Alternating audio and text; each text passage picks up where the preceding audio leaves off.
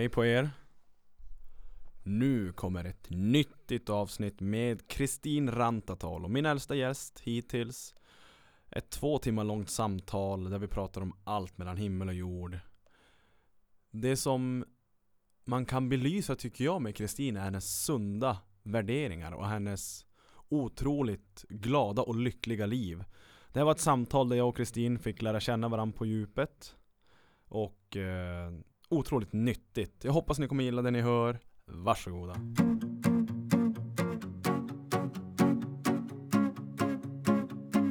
Oh, oh, oh, oh, ah, ah. Every day I wake up in the morning, always the same thing weighing heavy on my mind. I've got to say it's really quite alarming. Men vi kör väl igång, vad fan? Ja, ja vi, vi gör det. Du ser vart det kommer hamna. Ja, som tur är så fick jag ju med allt det där på inspelning så det kommer att vara lite Nej det highlight. hoppas jag ju verkligen Men jag tänkte inte. att, ja, för jag tänkte att nu, men nu, vi satte ju oss ner och så bara, ja men jag trycker play. Och vet du, sen slog jag ut det. Så jag tänkte, ja, ja nu vill jag inte börja pilla i datan. Nu vill jag ju lyssna. Oj då. Ja nej men okej, ja, nej men du, du, du, jag litar på ditt omdöme. Lite att det är för mycket bara. Nej. Jag kommer stämma dig sen. Okej, ja. Nåväl. Tack först och främst för att du vill göra det här Kristin. ja. Kan du inte presentera dig själv och hur gammal du är och vad du heter? För jag vet inte hur gammal du är. Nej, spännande. ja, Ja, jag kan ju säga att jag är din äldsta gäst antar jag. precis. Eh, Rantatalo heter jag och eh, jag brukar faktiskt tycka att det är ganska intressant det där när man ska presentera sig för att det är precis det som folk börjar med. Mm. Eh, vad man heter, hur gammal man är, vart man bor, vad man har gjort, vad man jobbar med. Mm. Så, så jag tycker faktiskt att eh, jag hellre vill presentera lite grann om hur jag är. Det, det är faktiskt bra för det är lite därför du också sitter här. Ja. Så mm, jag eh, eh, ser mig lite grann som en, som en livsnjutare. Mm. Nära till skratt, eh, nära till tårar också. Mm. Och det behövs med jämna mellanrum. Eh, men sen framförallt så ser jag mig som en öppen och en positiv och varm människa. Och eh, vill gärna sprida det. För jag tycker att vi, vi behöver mer sånt Mm. i tillvaron. Hur bra anser du att du är på att sprida positiv energi? Nej, men det tycker jag nog att jag eh, är ganska bra på. För jag känner att det, jag vet ingen som har någonting ont att säga om dig. Ja, det... Ja, gissat det. finns nog både en och annan. men, men min fördel är ju att jag har ju så dåligt minne. Eh, så att jag kommer ju aldrig ihåg eh, om någon har sagt något illa om mig eller tyckt illa om mig. Så att jag ser ju allting bara och vänder det till positivt istället. men det handlar ju om att ha en distans till sig själv. Jo. Alltså så är det ju. Ehm, så att jag tycker nog att jag är precis där jag ska vara i livet just nu. Mm. Men hur blev du den här människan? För det, med det här samtalet vill jag också ha ut För jag vill ju, som jag sa innan, jag vill lära känna dig. Ja. För jag vet ju inte så himla mycket. Det är som jag sa, jag vet Kristin, det är facket och det är boxen och det är massage. Mm. Men hur blev du den här människan? Var, hur, var kommer du ifrån för vad ska man säga, familjeförhållanden, uppväxten? Har du haft det bra Ja. hela livet? Ja, snabbspola tillbaka och sen snabbspola framåt. Eh, men jag har väl jag har levt ett helt vanligt liv. Mm. Eh, mamma och pappa, en stora syster, en lillebror växte jag upp med när jag var, ehm, när jag var barn. Um, alltså, jag är en liten drama queen. Är du Eh, det? ja, ja! Hur då? Åh, herregud! ja, nej, men, när jag var yngre, jag var ju mellanbarnet. Eh, jag ska också tillägga att jag fick en, en lillebror när jag eh, eh, var 26 år gammal.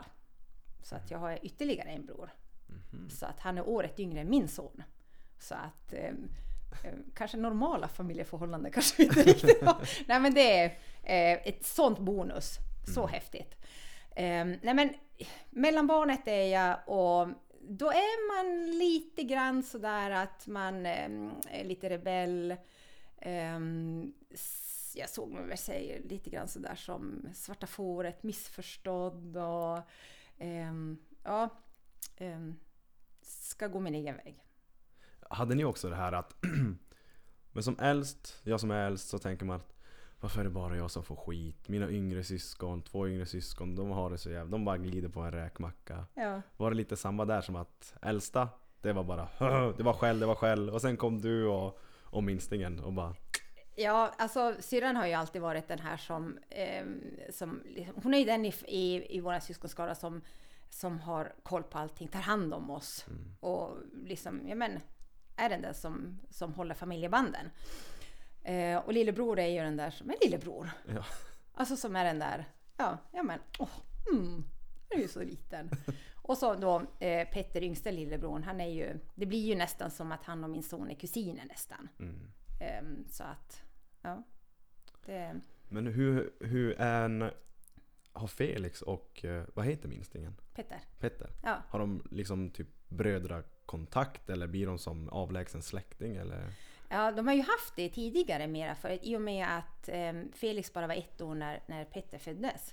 Så är det klart att då har ju vi hängt mycket med varann. Och, ehm, nu bor Petter i Umeå och går gymnasiet där. Så han flyttade dit. Så att, och då är det klart, då blir det ju lite grann att man Ja. inte har alltså, samma nära. Men så är det ju.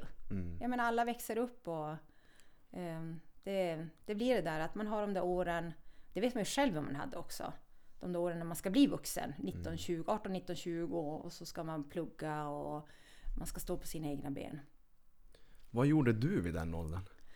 Eh, Har du, all, har du alltid bott i Kiruna? nej, det har jag inte. Eh, jag eh, slutade gymnasiet och så jobbade jag kanske ett, två år här. Sen fick jag ju för mig att nej nu, nej, här, här kan man ju inte bo kvar, nu, nu måste jag flytta. Så då fick jag för mig att jag skulle börja plugga. Mm. Eh, och på den tiden så gjorde man ju det med papper och penna. Eh, jag kan väl säga att jag är 45, det är ingenting som... Jag är, Där jätte, kom det nu! jag är jättestolt Så. över att vara det. Som sagt var, jag är precis där jag ska vara i livet. Eh, nej men så, det här är ju då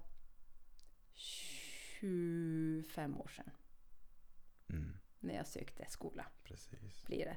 Eh, det var väl inte så jättemycket med dator och, och så. Så att man, man, satt ju, man hade ju en högskolekatalog.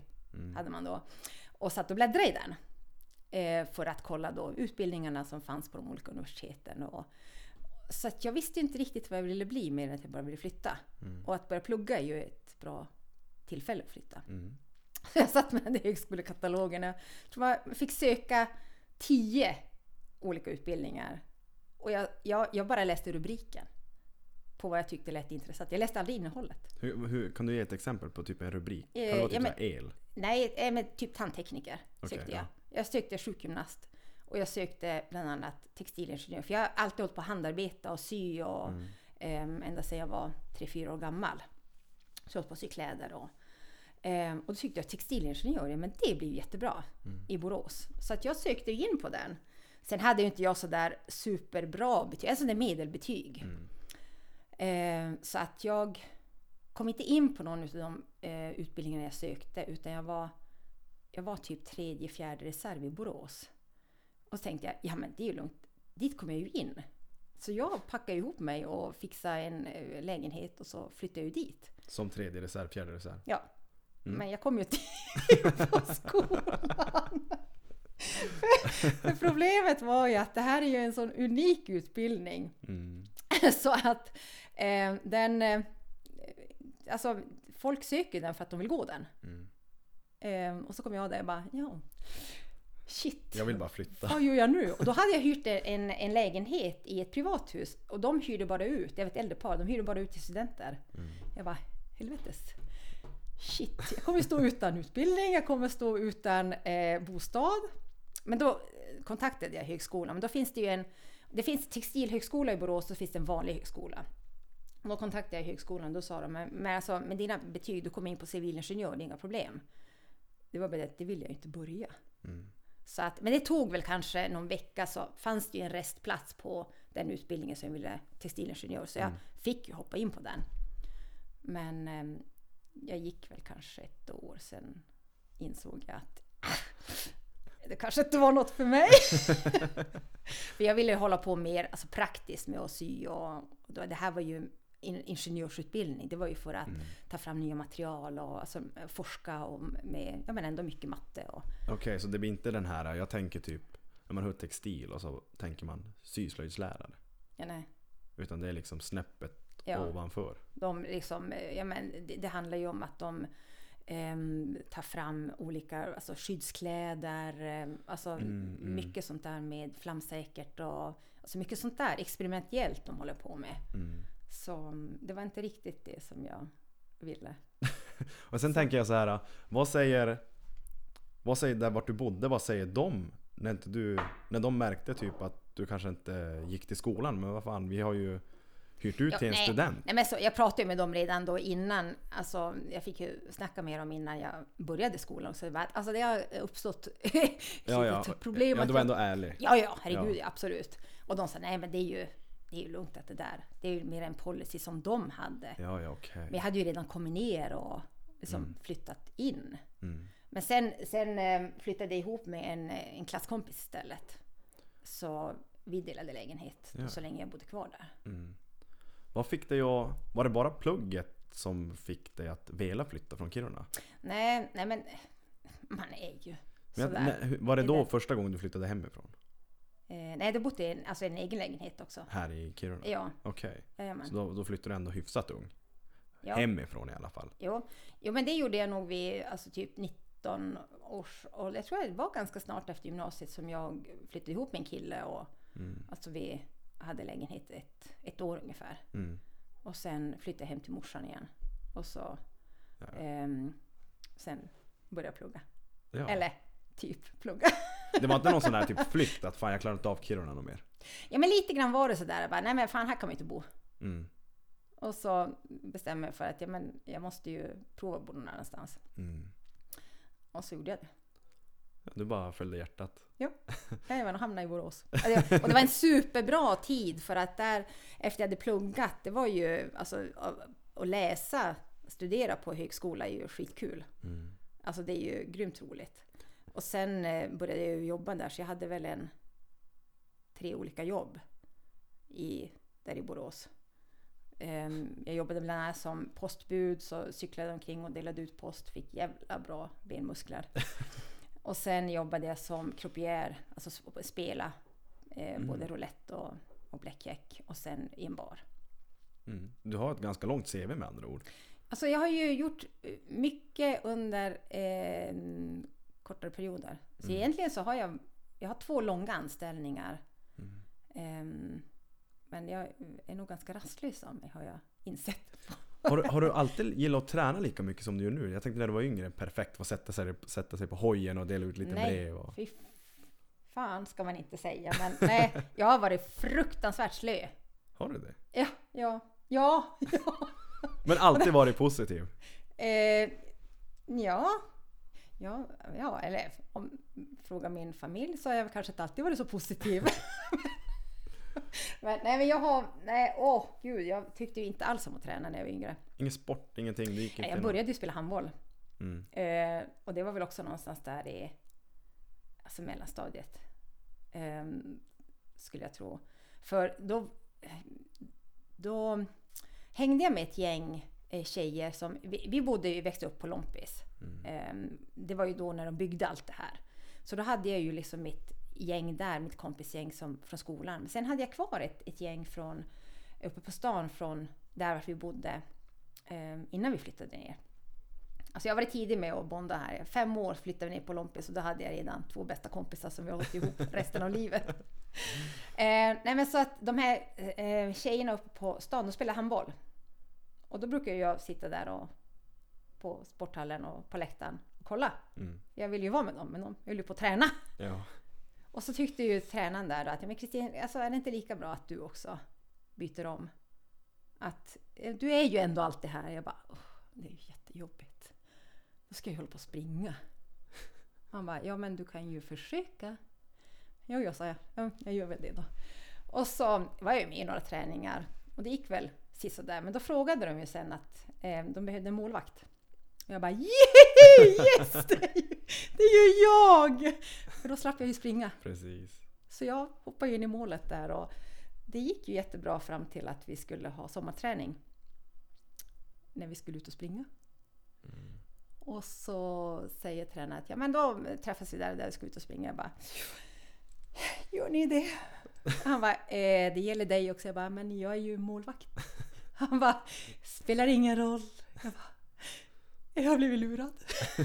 så, nej, så att jag har inte alltid tränat. Jag har eh, det var väl någonstans där eh, första milen som jag klarade av att springa, då var jag väl kanske jag väl kanske var någonstans där vid 18, 19, 20 och det var ju en en riktig prestation i sig. Mm. Alltså det var ju skithäftigt att klara av det.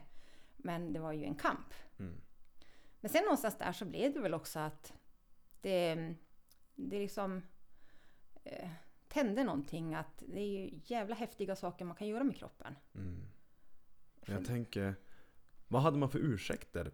Ska man säga på din tid? Mm. när, för nu har vi ju sociala medier, det är tv-spel och det är dator och det finns en miljon ursäkter till att inte träna. Mm. Men vad gjorde man på din tid istället?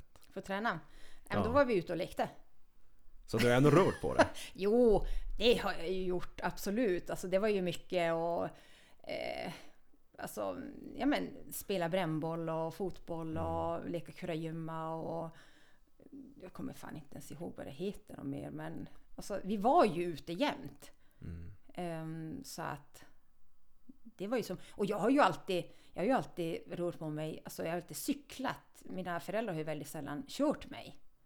Så att när det var handbollsträningar och det, då jag menar, cyklar man hem från skolan och sen käkar man och så upp och till sporthallen och träna och sen cyklar man hem och sen cyklar man kanske upp en sväng till för att hälsa på kompisar. Det är ju fem kilometer enkel väg. Mm.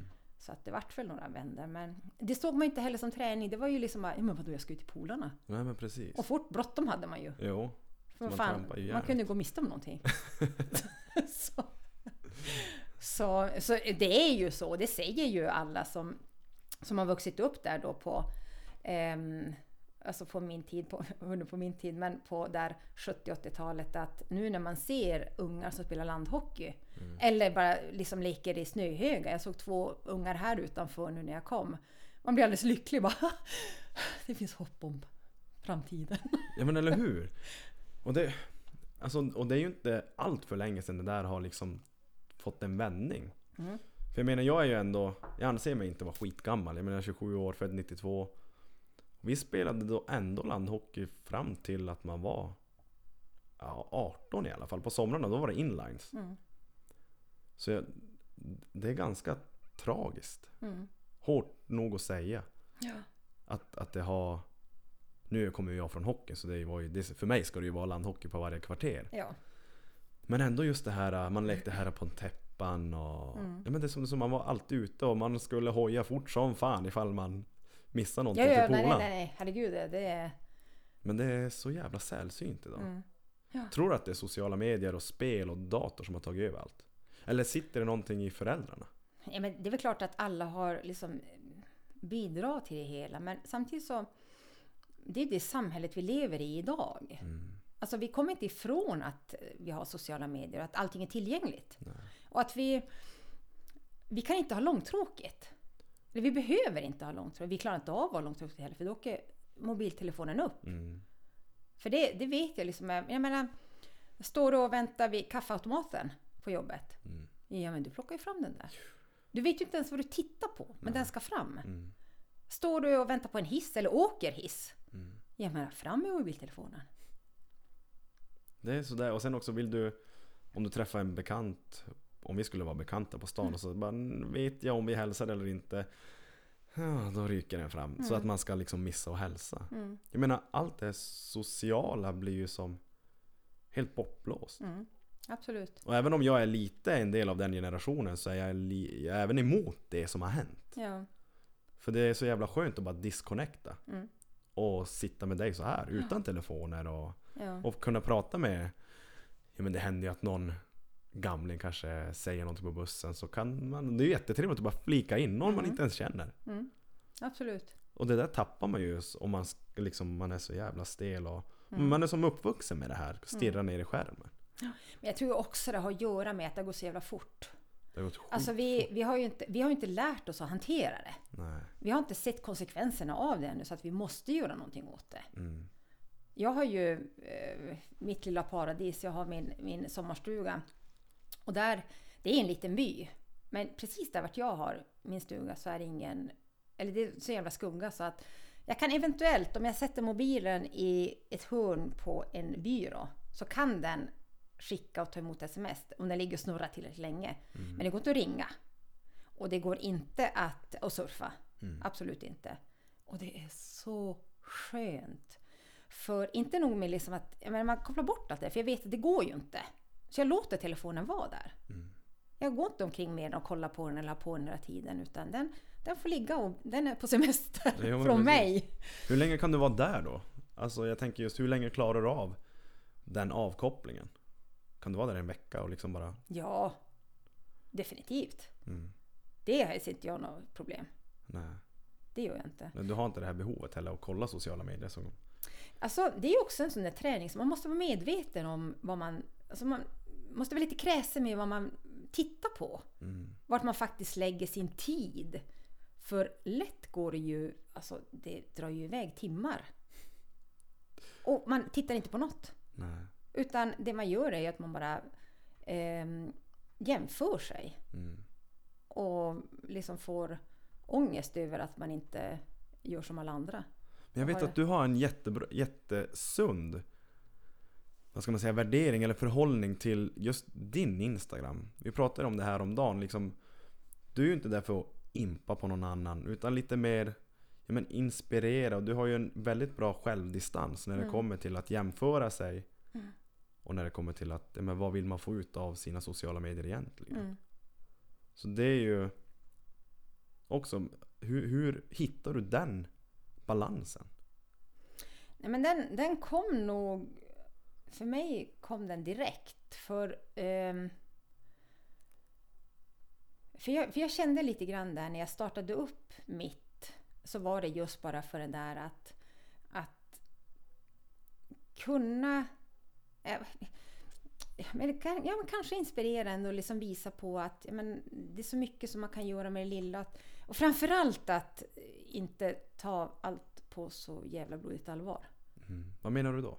Ja, men vi, vi kan ju vara så himla dramatiska. Mm. Och eh, vi överanalyserar och, och vi, vi tror att vi kan köpa oss lycka. Mm. Och så är det ju absolut inte. Utan det vi köper betalar vi med tid. Mm. Och det är i tiden vi skapar lycka tycker jag. Mm. Med att välja med omsorg. Mm. Så att vi, vi är ju... Det ska vara på så himla många sätt. Men vem har bestämt hur det ska vara? Ja, det är just det jag tänker. Men hur, hur hittar man det tankesättet? Det är ju en väldigt... Du måste ju kunna se dig själv i spegeln och kunna veta vem du kollar på. Jag tänkte säga att jag är jävligt snygg. ja. ja, mm, det också. Nej, jag skojar bara. Nej men det, det är det jag tycker beundrar med dig också. Du har ju så sjukt, sund, du har sjukt sunda värderingar. Just när det kommer till sociala medier. För det är så många som mår så psykiskt dåligt. Mm. Men vi låtsas som att det inte är sociala medier som är Ja, men- problemet. Men det kommer vi inte ifrån. Alltså det är, jag, jag har tänkt ganska mycket på det där också. För eh, det tempot som vi lever i idag gör ju att vi aldrig tar oss tid att stanna upp och verkligen reflektera över att ja, men vilka val gör jag i livet för min egen skull? Mm. Och inte bara för att det ska vara så. Mm. För att man ska byta bil och man ska renovera hemma och eh, man ska åka på utlandsresor och man, man ska så himla mycket. Men enligt vem då? Mm. Ehm, så att där kan jag ju verkligen känna att men vi, behöver, vi behöver stanna upp, vi behöver känna efter vad som, vad som är bäst för, för mig här och nu. Mm. Och hur hittar man dit? Men det är ju erfarenhet. Alltså det är att man, man behöver vara vaken. Man behöver... ehm, man behöver hitta det där som man mår bra av. Mm. Jag brukar säga, för jag håller ju yoga också. Och då brukar jag eh, försöka säga det också att att vi behöver hitta det där som, som får det att glittra i ögonen. Det där liksom bara, det bara sprakar, man känner att det, det är liksom, ja men, bubblar i bröstet och det pirrar i magen. Att vi kan som inte låta bli att le och det där som vi längtar efter. Det där som verkligen, verkligen får oss att må bra. De människor som vi kan omge oss av som man känner att ja, men här, den här människan liksom kan jag lägga mitt liv i. Jag vet att när jag går härifrån så kommer det inte snacka skit om mig. Jag behöver inte vara på vakt och beredd. Och det behöver inte vara så många, men den där lilla klanen som man har. Som man kan falla tillbaka på när helst man behöver. Och få vara sig själv helt ofiltrerad. Mm. För ibland så behöver man även som vuxen få vara liten. Och ha den där famnen att krypa in i. Mm. Absolut, vi är väl bara människor. Så är det. Jag vet att meditation hjälpte mig i alla fall. Mm. Att hitta min, ska man säga, lite distans och balans. Mm. Men hur Till- kom, det, hur kom det sig att du började med det? Alltså, Men jag sökte ju upp Mm. Rune Nygård, min psykolog. ja. Jag har också Eh. gått hos honom. Du har det? Mm. Vi kommer till det. Nej men det var ju så att, det det är som när jag, nu är det ganska precis ett år sedan. Och det var ju rörigt liksom i mitt huvud. Jag, var, jag mådde inte dåligt. Jag har mått dåligt många gånger i mitt liv och deprimerad och sådär men Just när jag gick till Rune så var det inte det som var mitt problem. Mm. Utan det var liksom stress hade man kunnat säga. Mm. Liksom det var, man skulle vara överallt, man skulle liksom jämföra, man, jag tror man jämförde sig med andra utan att man visste om det. Mm. Och då blir det lite en inre stress. Så det var väl egentligen stressen som gjorde att, och så gjorde man kanske inte så bra val i livet. Men då tänkte jag att men nu ska jag komma underfund med vad är det som försiggår i mitt eget huvud. För jag tror ju att jag har ADHD men jag har inte utrett mig. Mm. Men någonting finns det nog. Och det första han säger att men han kan känna av min energi. Han känner av att okej du hade fan kunnat ta över världen om du bara liksom får dina tankar och liksom eh, siktet rätt inställt. Mm. Och då så sa han, men jag har det här hjälpmedlet. Mm. Och då kom vi in på med- meditation, mindfulness. Mm. Och det, och det är sådär, det, något jag har lärt mig med tiden det är att det behöver inte vara så extremt i början. Utan många säger ju att men det, jag vet inte hur man gör. Nej men lite är det ju att man lär sig. Och sen i början är det ju lite läskigt att kolla in i sin egen själ. Mm. Det är lite det som det blev för mig i alla fall. Liksom innan jag börjar, om man sitter, ja men då kan jag sitta allt från 5 till 20 minuter. Mm. Och då liksom, vem är jag? Det börjar jag med. Mm. Vem är jag? Och då, och då liksom fokus på andningen, bara kom ner i varv. Nu glömmer vi, eller nu lägger vi bort allt som är runt omkring oss. Nu är det bara du i centrum. Nu är det Mm. bara du Pontus. Och, liksom, och nu söker vi. Mm. Men det är nästan som att du har ett inre samtal med dig själv då eller? Ja men, ja men lite så blev det. Ja. För Rune sa det så bra, för jag frågade han också men hur kan jag märka att meditationen ger resultat? Mm. Och då sa han det att det som gjorde hans resultat så, så klart, det var det att från att ha gått en promenad eller varit ute och cykla, men nu ska jag bara ta mig igenom den här skogen eller parken. Till att en dag, men vad fint det är i den här parken. Mm. Man är mer närvarande. Mm. Du snappar upp liksom Ja men du tar åt dig allt som livet har att ge egentligen. Istället för bara att passera i liksom full speed Mm. Till att egentligen inte ens veta vart du ska. Mm. Och det, och det träffar mig ganska bra. Ja men det har blivit så att Ja men vad skönt det är att lägga sig i snön och kolla upp mot stjärnorna. Ja. Vad fint! Och vad lugnt och skönt. Och så brukar jag drömma bort att jag vet inte hur sant det är men jag tror att man kan köpa sin egen stjärna. det Ja. kanske är någon som vill bara göra pengar och bara hitta på. Ja men det där är din stjärna. Mm. Men då kan jag drömma mig bort det. Ja men den där stjärnan, den ska vara min. Mm.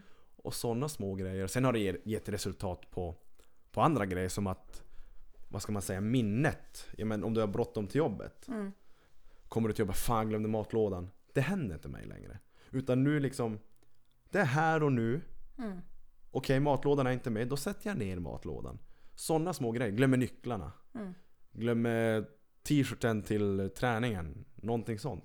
Sådana små, små detaljer har jag märkt har blivit ett resultat för mig. Samtidigt som jag känner mig mer närvarande här och nu och Mm. lite fått jag menar, sakta ner allt som för sig gick innan jag träffade Rune, Rune i huvudet. Mm. Det var som wow, de Ja. finns kvar där men nu kan jag liksom ta hand om det på ett mycket, mycket bättre sätt. Ja, det är inte de som dominerar där inne. Nej. Utan Precis. det är mer kontrollerat. Och det är just det, jag- det, är det jag också vill när man, när man säger till mina vänner som tycker att men Pontus du är så inspirerande som liksom gör så mycket och det är Lossabacken och du har varit bra i hockey och det är dittan och dattan. Mm. Jag älskar ju att göra saker för jag, jag drömmer inte om ett Svensson Svensson liv. Det har liksom hängt med från, från nästan jag föddes. Ja. Men då, och då vill jag ju före, förespråka till de som kanske känner att de vill mycket men inte får någonting gjort. Att man börjar meditera. Och då är det det första, men jag kan inte meditera. Mm. Och, och där kanske jag är lite opedagogisk. För hur säger du Kristin till någon som säger att men jag kan inte meditera?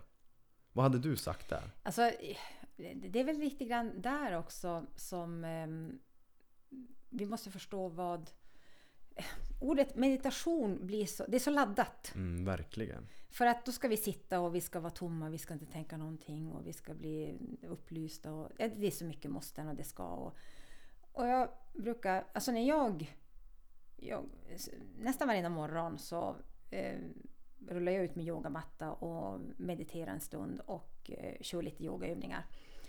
Eh, men det jag gör med meditationen är att eh, jag bara är. Jag låter tankar komma och, och sen har jag, det är ungefär 10 minuter.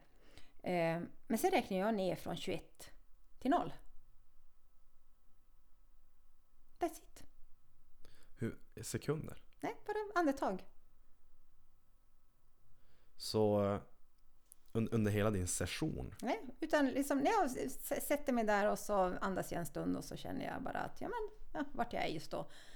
Och låter tankar komma och gå oavsett vad det är för någonting. Utan att liksom fastna vid någonting eller börja analysera eller värdera någonting. Utan det är liksom bara Mm. snurra på där ett tag. Och sen känner jag att ja, men, nu behöver jag liksom bara vara. Så då börjar jag räkna andetag från 21 och så 20 och, Mm. och tills jag är på noll. Har du Sen- olika program du följer? Nej. Eller du, du kör bara liksom, du sitter bara tyst och lugnt och mediterar? Ja. Jag bara är, Mm. helt enkelt. Jo. För att det som jag säger lite grann att det... Det är lite grann jag tänker också när du säger där att ja, men, hur vet jag vad det ger? Och vad får, när jag får resultat. Precis. Men måste vi alltid veta det? Mm. Varför måste vi alltid ha bevis för allting? Varför måste vi alltid ha, ha ett resultat? Det ska vara att, en förväntan. Mm. Men bara det här att, att få trycka på den där pausknappen ibland och bara få vara. Mm. Tänd, jag menar, tänd en brasa. Mhm. Det är meditation. Mm. Då sitter du och bara försvinner. Sitter vi i en älv. Mm. Samma sak. Jag tänker just på det när du säger det.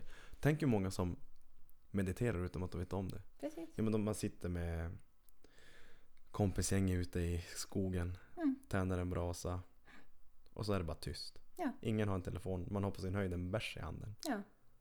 Men det är ju liksom... Det är sånt där som... Eh, vi, vi ska sätta etiketter på allting. Mm, Nu ska jag träna, nu ska jag yoga, nu ska jag meditera, nu ska jag eh, liksom den här dieten och nu ska jag... Oftast det det handlar om är att vi är ute efter de här snabba quick fix. mm, Resultatet på en gång. Hur går jag ner i vikt snabbt? Ehm, hur eh, lyckas jag lyfta 200 i mark? Eller jag menar, you name it. mm, När man istället kanske kan se att, ja men, hur vill jag leva mitt liv? mm. Hur vill jag må om 20 år? För det är nu du gör den investeringen. Det är ju det. Och det är lite det som har kommit med... jag vet inte vart det kommer ifrån. Men ju äldre jag har blivit så är mitt tänk mer att men jag ska ju må bra även när jag är 50. Mm. Och det får en att ändra lite syn på livet faktiskt. Inte något negativt. Nej, nej, nej. Absolut inte. Men det är väl också för att, jag menar, vad händer i 20-årsåldern? Alltså fram till, man är ju ganska självupptagen. Mm. Alltså, och sen utvecklingen, alltså från 0 till 20, är ju ganska dramatisk. Mm. Det är mycket man går igenom, både mentalt och fysiskt. Eh, och sen någonstans där 20-30, då kommer ju det här med liksom ändå familj och Mm. man ska föra arvet vidare. Och det är klart, då börjar man ju tänka vidare också. Jag menar, du har barn. Mm. Det är väl klart att du vill liksom vara en, en fresh eh, morfar när det är dags. Ja, Jag menar alltså på absolut. riktigt. Ja men så är det Du vill ju inte gå med rullator eller liksom vara dement. Mm. Utan du vill ju kunna eh, spela hockey Mm. med dem eller åka slalom eller vad det nu kan vara. Gå i Lossabacken 20 gånger. Kan räcka. Så den här gången räcker bara med 20. Nej men så att jag tror mycket det här att alltså vi har vi lever i så jäkla högt tempo så vi glömmer ju bort att dels glömmer vi bort att vara här och nu Mm. för att vi är så mycket framåt. Vi är hela tiden på väg någonstans. Mm. Men ändå ska resultaten vara här och nu. Vi har inte tid att vänta på dem. Men jag brukar säga det också att vi kan lära oss att vänta på resultat. För om du räknar tillbaka, nu vet jag inte alls hur många decennier man kan räkna tillbaka, men säg att vi kanske räknar tillbaka 70-80 år. Mm. När man jobbade så fick man dagslön. Då gjorde du ditt jobb, du fick lön på en gång. Sen kanske det sköts till att man fick varje vecka. Nu väntar vi en månad på vår lön. Vi gör jobbet den första, för lön den 25. Mm. Det är ganska länge vi väntar på betalningen. Faktiskt. Och vi kan ju göra det med oss själva också. Mm. Att faktiskt ha, ha det tålamodet att se att jag menar, det som jag gör nu, om man gör medvetna val, att jag behöver inte Känner jag att jag har en dålig dag, att jag känner att ja, men jag är inte så där riktigt på hugget, att jag orkar inte träna. Ta en promenad. Mm. Det ger lika mycket om inte mer. Mm. Att lära in och bara känna in kroppen att ja, men hur mår jag just nu? Och inte lyssna på latmasken, det är skillnad. Den sitter i huvudet. men kroppen ska man alltid lyssna på. Mm. Och att man tillåter sig att ha de där dagarna när kanske energin inte är på topp. För att det är då vi laddar för de dagarna när vi har energi på topp och kan verkligen prestera. Mm. Utan att skada oss och slita ut oss. Ja, men det är lite det du... Det handlar om att acceptera sig själv i det stadiet man är i just nu. Absolut. Det, är- jag tror det är nyckeln. Det är också, det är också en sån där grej som jag har fått lära mig. Liksom, som du sa, istället för att sträva efter och den här stressen och sträva efter någonting fast man liksom, man vill ha det här och nu. Men då istället bara okej, men vad känner jag nu? Mm. Jag måste ha råd att vänta på mig själv. Ja. Så jävla viktigt. Det är så mycket som jag har lärt mig nu när vi ändå sitter och pratar om det som bara ploppar upp i huvudet. Som Och, jag, men det där tyckte jag var ett jättebra uttryck. Att vi måste ha råd att vänta på oss själva. mm, För vad blir priset annars? exakt. Då, då blir priset den kaos jag var när jag sökte hjälp. Ja, du ser vad klok du är. Du imponerar ju! Nej, men, men alltså egentligen det man kan ta med sig av det här det är ju att våga testa. Ja, Leta i sig själv. absolut. Det är ju skitspännande. Ja, vi är konstiga men roliga. Ja, ja. Speciella, alltså vi, vi, är, vi, vi, liksom, vi kan vara allt. Och sen är det väl det också att ju mer man man törs möta sig själv och liksom acceptera det man är. Jag menar, det blir inte främmande då. Nej, Och då kan man ju ta sig själv med en nypa salt. ja, Det är inte på liv och död då. nej. Och att vi faktiskt får göra misstag. Mm. Och sen är det ju lite grann att vem är det som bedömer ett misstag egentligen? Är, vi är så jävla hårda med oss själva. Mm. Vi är så dömande. Vi skulle aldrig vara så mot någon annan. Men samtalet där inne, shit alltså var den. Men undrar vart det kommer ifrån när vi är så hårda mot oss själva? Kommer det ifrån att vi jämför oss med andra? Det tror jag ju. Absolut. Att man liksom har, det sitter som ingrott att man, man måste vara någonting. Ja. ja men så, och så är det ju idag. Jag menar alla strävar ju efter att jag menar, vara ja, men naturligtvis omtyckta. Mm. Så är det ju. Men sen ska vi ju även vara lite kända. Alltså det det är bekräftelse vi har. Ja. Och det är väl en, en typ av överlevnad det också. Mm. Att man vill ha den här bekräftelsen, att känna liksom att andra tycker att man är bra, att man, att man ser varann. Mm. Och i dagsläget så, så gör vi ju inte det. Vi har ju inte tid. Nej. För vi passerar ju bara varandra rent fysiskt och då blir det ju de här sociala medierna Mm. som vi sitter och, och liksom, ja, men matar in inlägg och, och liksom ska visa vilket lyckligt och fint liv vi lever. Mm. Jo men jag tror inte Jag tror inte rätta vägen till bekräftelse är via sociala medier. Nej. Det, det blir Eller- som... Alltså, det beror på. Nej, men, ja, det kan det väl också vara eh, om man kan förhålla sig till det. Ja, ja men precis. För jag, det blir väl inte den här äh, personliga bekräftelsen. Som man kanske får att vi tar något helt galet exempel. Ja men den här bekräftelsen du får att lyckas ragga upp någon på ICA till exempel. Ja, Och lyckas få hennes nummer, lyckas få till en dejt. ja. Det blir ju lite av en bekräftelse. Men att någon skriver för att du har lagt ut en bild som du fått ta om hundra gånger Mm, och så ser du snygg ut. mm, Hej snygging, typ har du snapchat eller vill du ses? mm. Det är inte riktigt samma. Nej. Nej, men det är väl klart att det inte är. Men det är ju bara mina funderingar.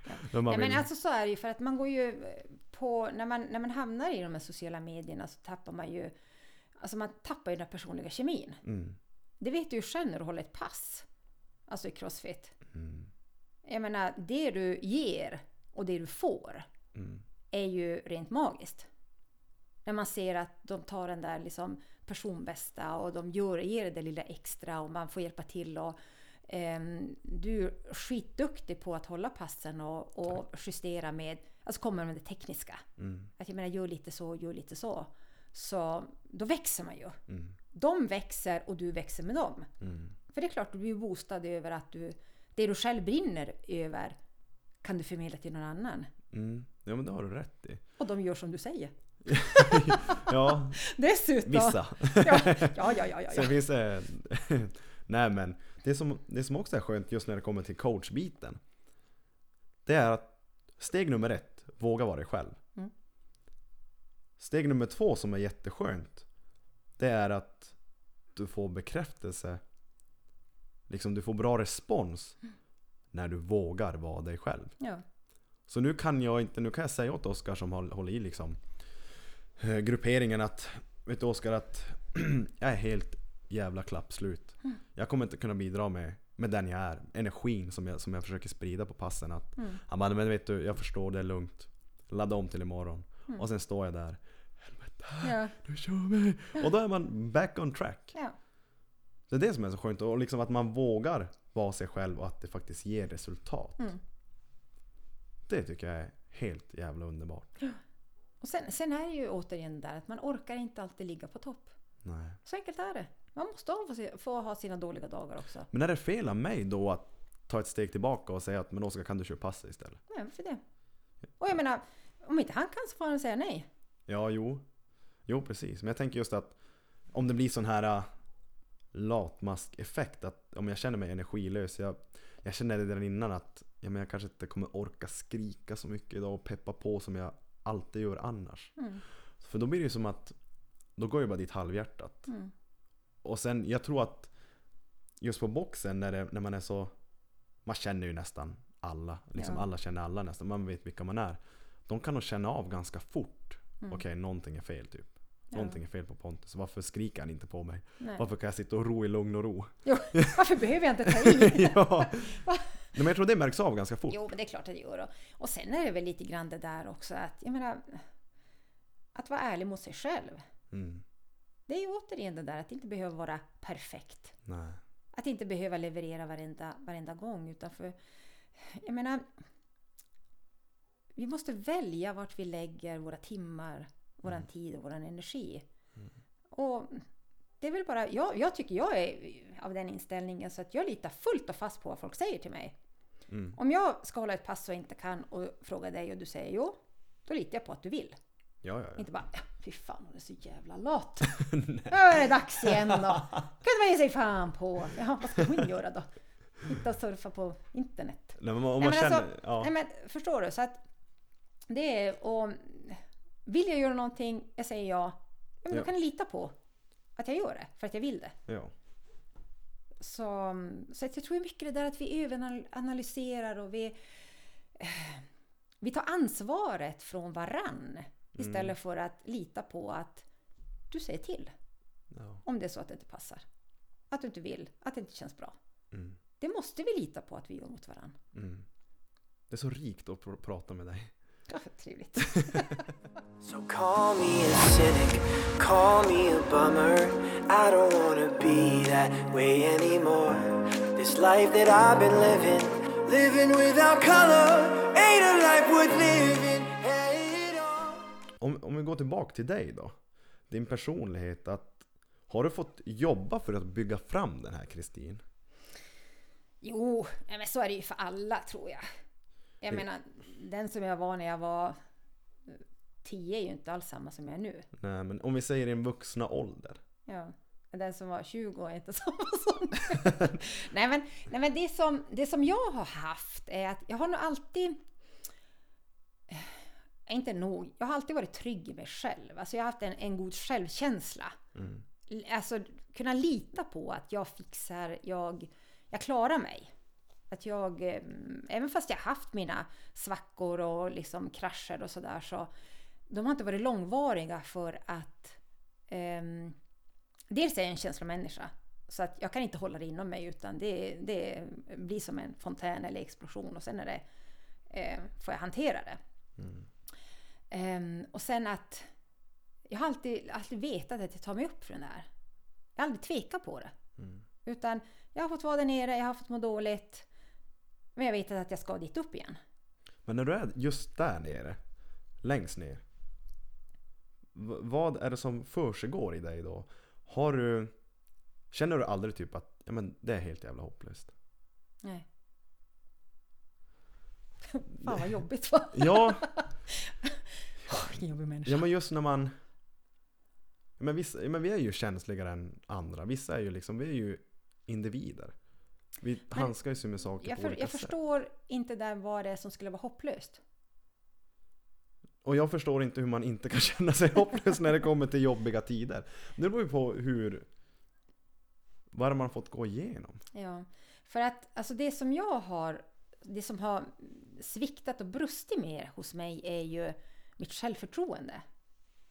Och det är ju kopplat till det här med bekräftelse från andra. Mm. Där har jag varit eh, ganska svag. Och jag tror ju, eh, eller ganska, ja, det har varit upp och ner helt enkelt. Ehm, och jag har väl varit ganska tuff och hård och elak med mig själv. Mm. När det kommer till de bitarna, till självförtroendet. Självkänslan, det här liksom som har funnits inom mig. Det är väl därför också jag kanske inte känt en, en hopplöshet. Mm. För att jag vet att någonstans här inne så bor den här, det finns den här glöden, den här viljan till att må bra. Och att det är klart, liksom det, det tänkte jag väl kanske inte när jag var 20 eller när jag var 30. Ehm, men så tänker jag nu att jag menar, känslorna är ju verkligen bara ett vågspel. Mm. Och när jag är där nere och mår dåligt så vet jag att jag kommer, det kommer vända uppåt. Det är bara liksom att jag måste vara i de känslorna. Jag kan inte rusa, trycka undan dem eller rusa ifrån dem. Mm. På samma sätt som jag kan inte klamra mig fast vid lycka och glädje och allt det här. Utan det är ju också tillfälligt. Mm. Och att acceptera att den där liksom vågskålen, den där liksom, det går upp och ner hela tiden. Mm. Det är väl det mera som, som gör att jag uppskattar känslorna när de kommer. Mm.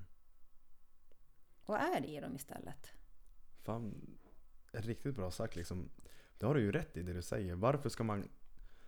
För vad händer om du klamrar dig fast vid lyckan och tror att det ska pågå hela jäkla Mm. tiden? Det känns som att de är ganska nära till besvikelse. Ja, ja. Men att du hittar den där balansen. Mm. Men om vi säger ditt... Du försöker hantera känslorna när de kommer. Mm. Vem, vem går du runt och är under tiden? Om det inte kommer någon känsla. Men det kommer ju alltid känslor. För du är alltid glad. Ja, det är en känsla. Nej men alltså det, nej men så är det. Jag kan vara irriterad. Mm. Jag kan vara arg, jag kan vara sur, jag kan vara ledsen, glad, lycklig, eh, exalterad. Eh, Men eftersom jag blir irriterad på någonting eller besviken, då säger jag det direkt. Mm. Då är jag, då är jag färdigt med det. Jag menar, fan Pontus, det var jävla onödigt att du sa så. Jag, jag, varit ledsen. Mm. Och sen är det bra. Ja. För jag tror samtidigt inte liksom att, att någon annan gör det medvetet. Att någon annan vill mig illa. Utan det kan vara att jag är känslig vid det tillfället. Eh, Som sagt, en dålig dag, en liksom, ja, lite hack i skivan där. Mm. Och sen kommer du att säga en sak som inte är meningen. Alltså som illa. Mm. Bara, Men vad fan menar du nu egentligen? Alltså nu hängde jag inte med på det där. Det där kändes fan inte ens roligt. Och då är man ute. Då behöver man ju inte bära på det eller älta. Och jag har varit en ältare. Av rang kan jag säga. Långsiktigt dessutom. Alltså så att jag har jobbat igenom det där. Och det är så skönt att inte vara kvar där. Hur många år sedan pratar vi då? Minnet här. Ja, det är det med minnet. Eh, bra minne men jättekort. Nej, men du gick runt och älta. Ja, men det, det är nog kanske, alltså räkna kanske, men några, alltså att vi 15 år tillbaka kanske. Eller nej, 10 kanske. Det är ganska, ja, inte- så jättenyligt. Men vad kunde, vad kunde få dig att älta? Nej, men det, det kunde vara något sånt där att eh, jag kom in i ett rum och ehm, säger någonting, så, alltså vad som helst, och så går någon ut. Bara, men gud, varför? där liten grej bara. Jag bara, alltså, tog de väl upp eller varför, varför gick de ut när jag kom in? Och varför, varför kollar de sådär? Alltså, men liksom det är små, små saker. Överanalysera. Mm. Alltså, helt galet. Och hur mycket energi det tar. Mm. Nu har jag jättemycket energi över. Den energin går åt till att vara glad istället. Men, men hur lärde du dig det där då? Ja, men det är träningssak. Det är, det är att bestämma. Alltså jag, jag tror någonstans att bestämma mig för att men det, här, det här funkar inte. Alltså det här kommer ju dränera mig. Det, här kom, det gör ju mig till en dålig människa.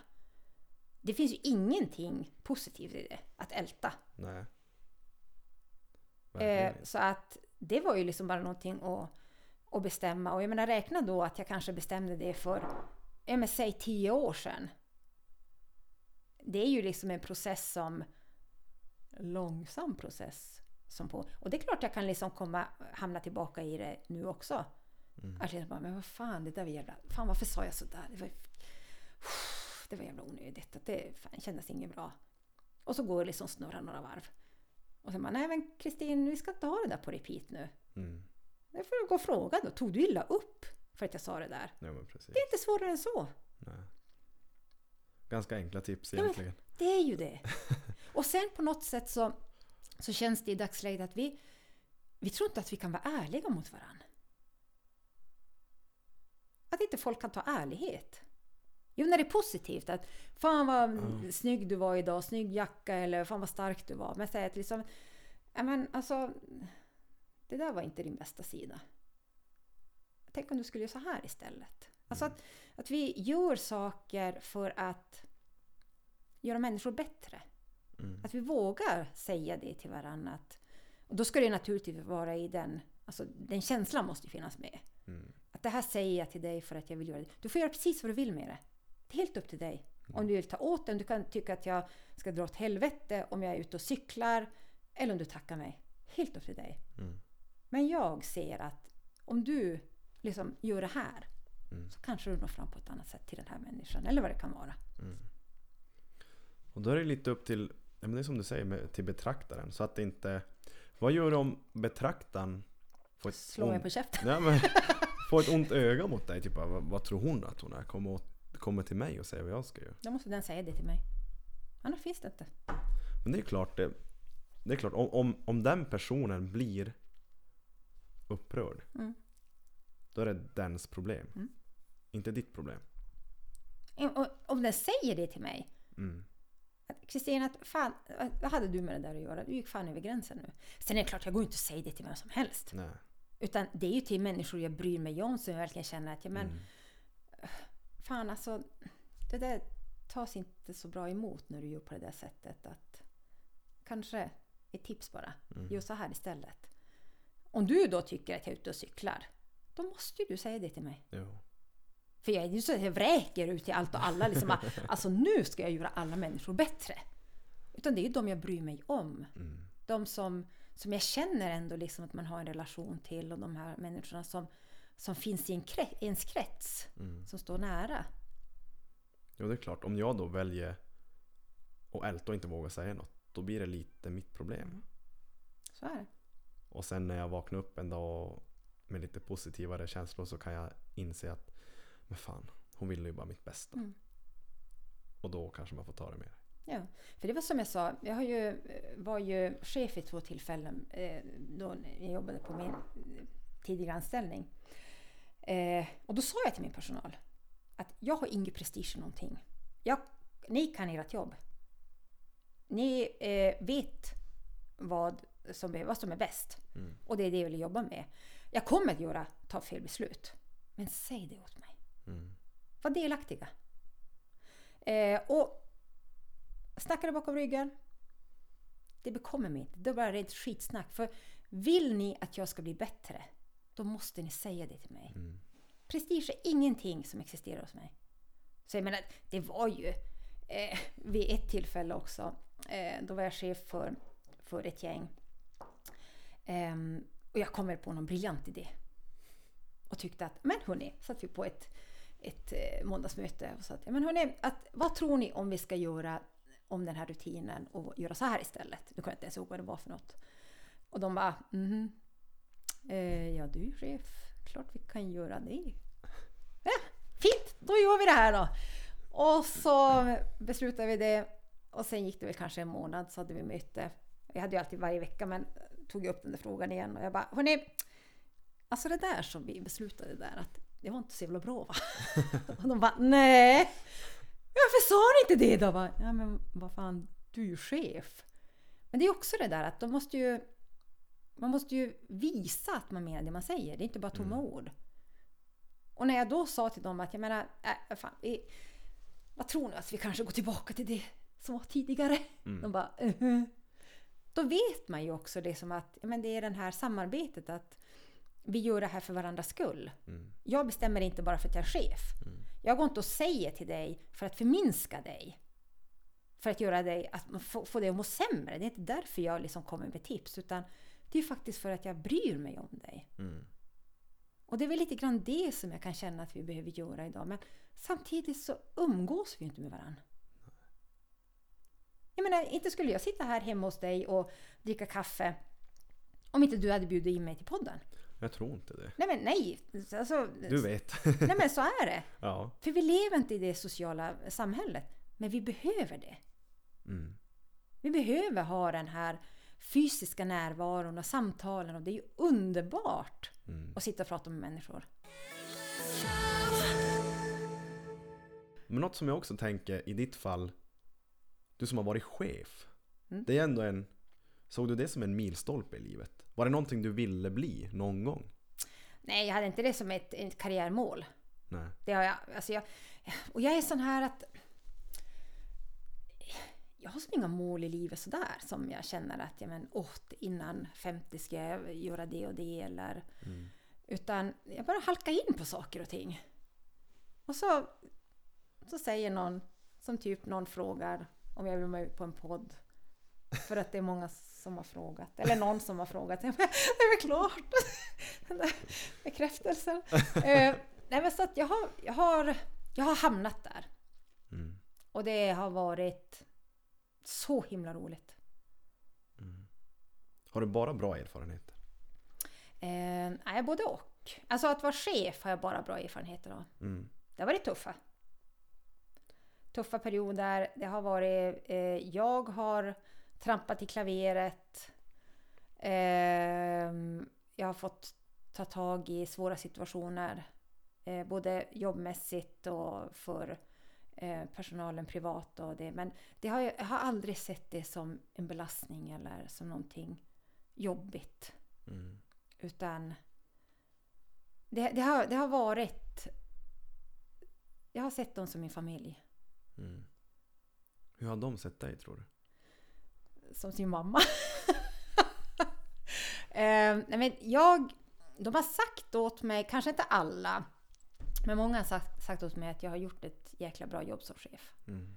Att, ehm, och det, det tar jag verkligen, det, det lägger sig som bomber runt hjärtat för att det har varit mitt, min ambition. Mm.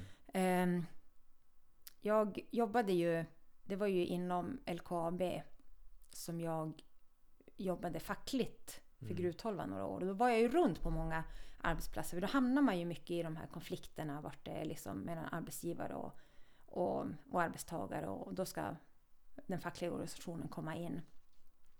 Så jag var ju runt och träffade alla chefer i Kiruna på alla nivåer. Och hamnade i de här konfliktgrupperna också, liksom att man ska medla. Och då brukar jag tänka till mig själv att men hur jävla svårt kan det vara chef? Alltså is man bara tycka om människor. Det är väl ta mig fan det enklaste. Så när jag fick frågan om jag ville bli chef, Mm. då tänkte jag att men, ja, nu är det ju upp till bevis. Nu måste vi se om mina teorier funkar. Mm. Eh, och det gjorde de. Men jag tror att ditt, ditt tänk som chef Jag tror man ska släppa det där old school sättet att man liksom Det ska vara Vad fan sitter ni i kuren för ut och jobba för fan Nej, för, nej Nej alltså jag tror man ska ha den där Fan vad skönt det hade varit att ha en chef som man kände var sin mamma eller pappa Mm. Nej men och det... Det tänkte ju jag jättemycket på att liksom... Hur vill jag att stämningen i fikarummet ska vara en, förändras när jag kommer in? mm. Om den ska förändras. Om det liksom blir tyst, tillbakadraget, liksom upprätt eller om den blir ännu varmare. Mm. Ännu roligare. Och där kommer vi tillbaka till det här som jag bestämde mig också att jag bestämde mig när jag tackade ja till chefsjobbet att jag ska aldrig ha en dålig måndag. Att komma till min personal, träffa dem på måndag morgon och inte tycka att det är skit Mm. att helgen är över, att man måste dra sig till jobbet utan faktiskt komma med positiv energi och säga att Fan vad kul att träffa er, jag saknar er. Och ni saknar mig.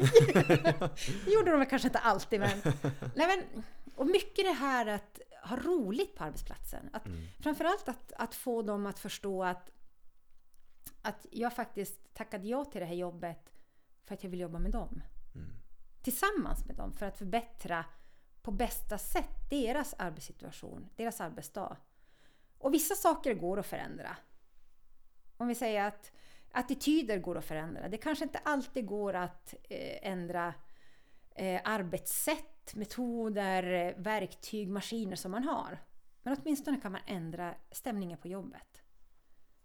Och att man går från att lite sådär ont i magen på söndag att fan ska man gå på jobbet? Eller ja, men jag, jag, jag vabbar idag, då slipper jag gå på jobbet. Eller är jag inte lite sjuk? Mm. Till att istället komma till, vad fan vad roligt, att ska vi se vad som händer nu på jobbet. Och det, så att jag, jag hade ju mycket, kanske tokigheter, och, men alltså mycket sånt där. Det, det kunde liksom vara musikgissning på en fredag eller tipsrunda på en onsdag eller när det var varmaste sommardagarna brukade jag agera glassbil och få omkring och dela ut glass. Vilken jävla drömchef Nej, men alltså det, är, det är de där små sakerna att Jo. när, när någon fyllde år, att då gav vi alltid en femmanlott och en tianlott till dem.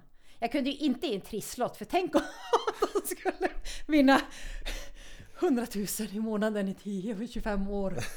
Och jag hade hållit lotten i handen. Men jag tyckte att de där 50 000, ja men det kan jag unna dem. Men då hade jag alltid dealen med dem att vi skulle dela på vinsten. Okej, Det var ett så en villkor. li, liten baksida av den där presenten Nej, jo, men alltså man, man vill ju ut någonting av det själv också. Ja såklart Nej, men så att de där små, små sakerna, att faktiskt mm, ta sig tid till personalen också, att prata med dem. Och, och, och det som jag kände viktigaste var att, att de skulle känna lojaliteten, alltså min lojalitet till dem. Att när jag, när jag går på ett möte så ska de vara trygga med att jag alltid jobbar för våra frågor på arbetsplatsen. mm. Att jag inte säljer iväg oss billigt. Så mm, det var jätteviktigt för mig. och, och du har som ingen så här speciell chefsutbildning innan det här Nej. Utan du har bara liksom ditt eget omdöme och Mm. den du är Mm. Det låter som att du har lyckats jävligt bra ändå.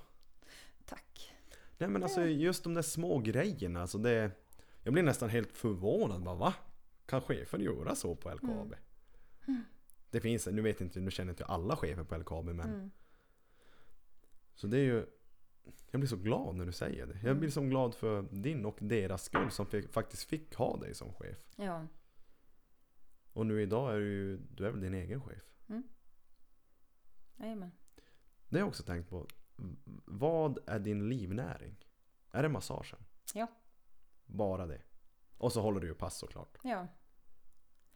Ja. Jag kan ju inte säga att jag har gift mig rikt eller något sånt. Nej men det är, det är inkomst av eget, alltså eget företag. Mm. Mm. Så det är massage. Eh, Och sen är det en liten del som är träning och yoga. Ja. Ja, jag håller pass och företagsträningar och event och sånt där. Är det det bästa valet du känner att du kunde ha gjort? Och liksom starta eget och... Just då så var det det. Hur känner du idag? Ehm, jag känner fortfarande att jag har valt rätt. Mm. Det gör jag.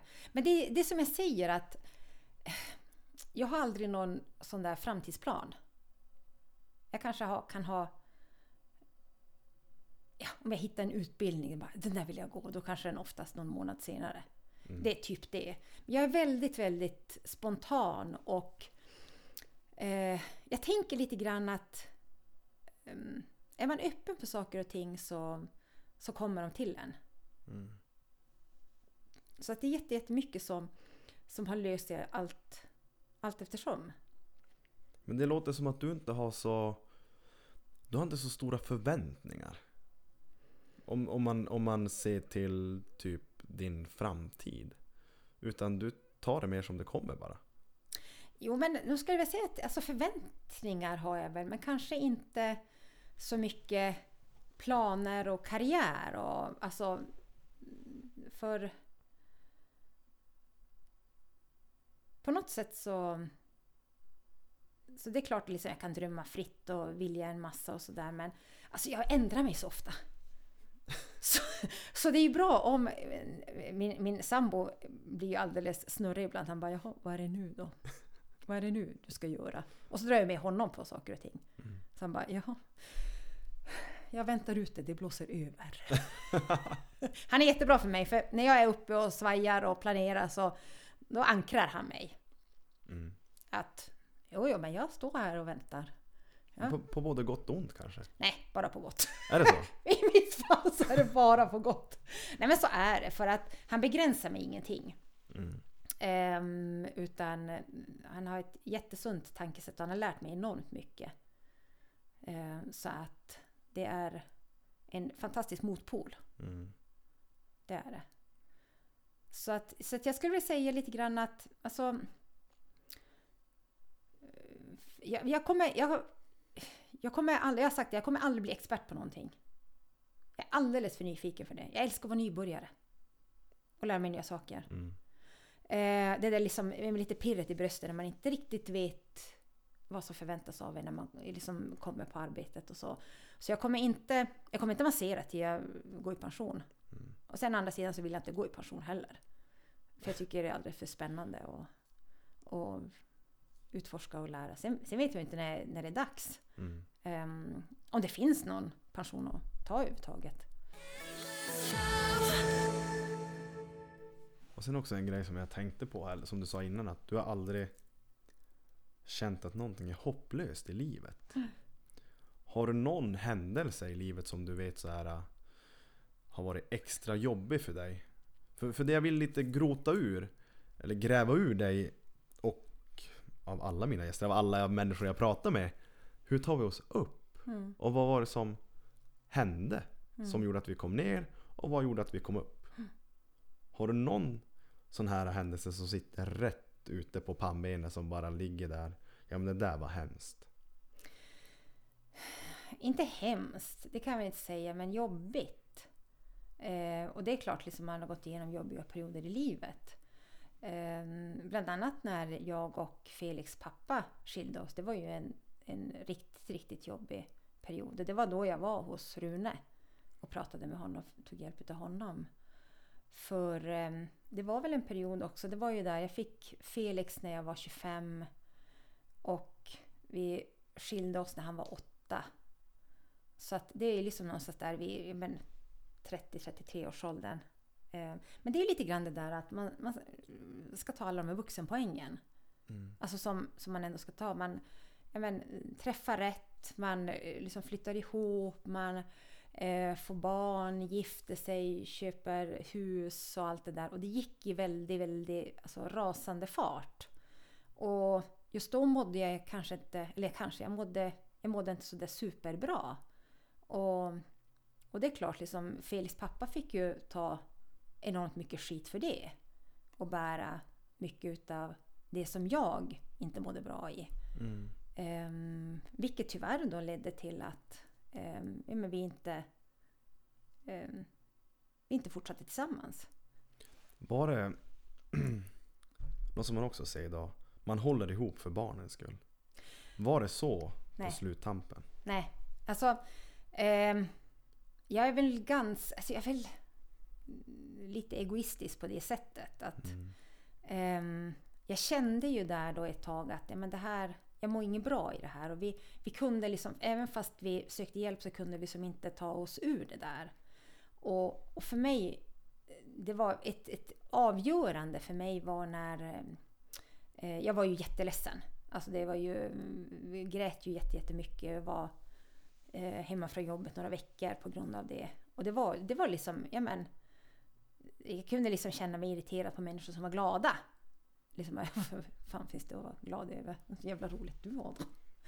Eh, jag menar, så hade en svacka. Och då satt jag och Felix och tittade på, på bilder. Och så såg han en bild på mig där vart jag skrattade. Och då sa han till mig att men mamma, varför är du aldrig så här glad mer? Och då kände jag där att nej men nu är inte jag i ett bra läge i livet. Så nu är inte jag på ett bra ställe. Ehm, att jag måste ta mig upp härifrån. Och, och det var väl kanske lite grann det som, som ja, men fick bägaren att rinna över. Att, att verkligen ta beslutet på att nej, men nu, för att inte liksom, jag ska vissna. För det vill jag inte som människa. Jag vill ju inte att, att Felix pappa heller ska må dåligt. För att Mm. han kommer ju alltid vara en viktig del i mitt liv. Tack vare Felix. Mm. Så att det var ju då det, någonstans där det som, menar ändå som blev avgörande på att men vi, vi behöver gå skilda vägar. Mm. Vad fick du för hjälp av Rune? Eh, nej, men det, han var ju jobbade för företaget då som, alltså han var ju eh, kurator, Mm. eh, eller vad de nu heter nu för tiden. Så att jag fick ju hjälp att sortera mina tankar. Mm. Att liksom se... För mycket blir det ju när man, när man är mitt uppe i någonting. Tankarna snurrar ju. Alltså det är så... Det, det spinner ju lös. Och bara det här att ha någon att prata med. Någon som är helt utanför. Annars är det lätt att man pratar med familjen, med vänner. Men de är ju ändå insyltade i allting. Mm. Och de är ju partiska. För att det är klart, mina vänner och min familj håller ju på mig. Mm. Jag är ju viktigast för dem. Och den andra parten ser ju likadant. Mm. Att komma till, en, till någon som är helt, helt liksom, ja men, ovetande, oberoende liksom av vad som har hänt. Och bara få, få ur sig allting. Få, Mm. få gråta, skratta, grina, skrika, liksom allt det här. Och sen höra sig själv säga det.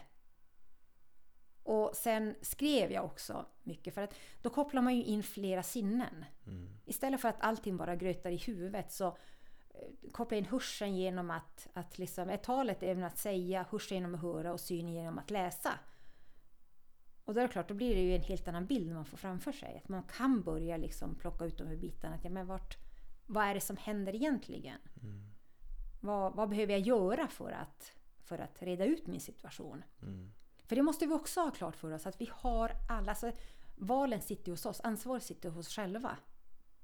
För jag tror ju att hade jag varit, hade jag varit kvar, om jag och, och pappa hade hållit ihop fortfarande så det kanske hade funkat jättebra efter ett tag.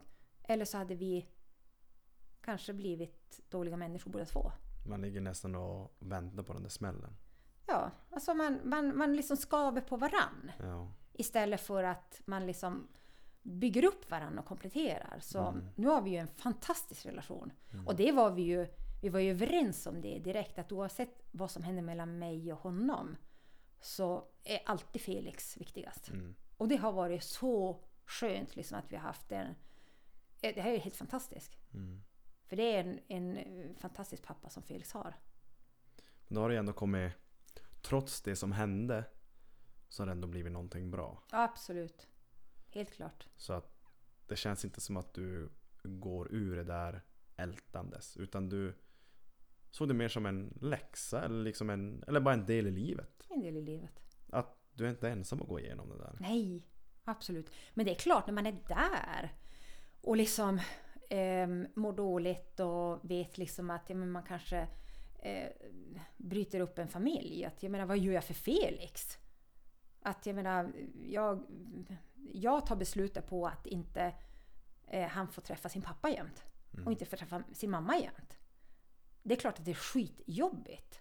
Men samtidigt så, menar, så som vi har det nu, alla vi tre, jag och Felix och hans pappa, så har vi ju en fantastisk relation. Mm.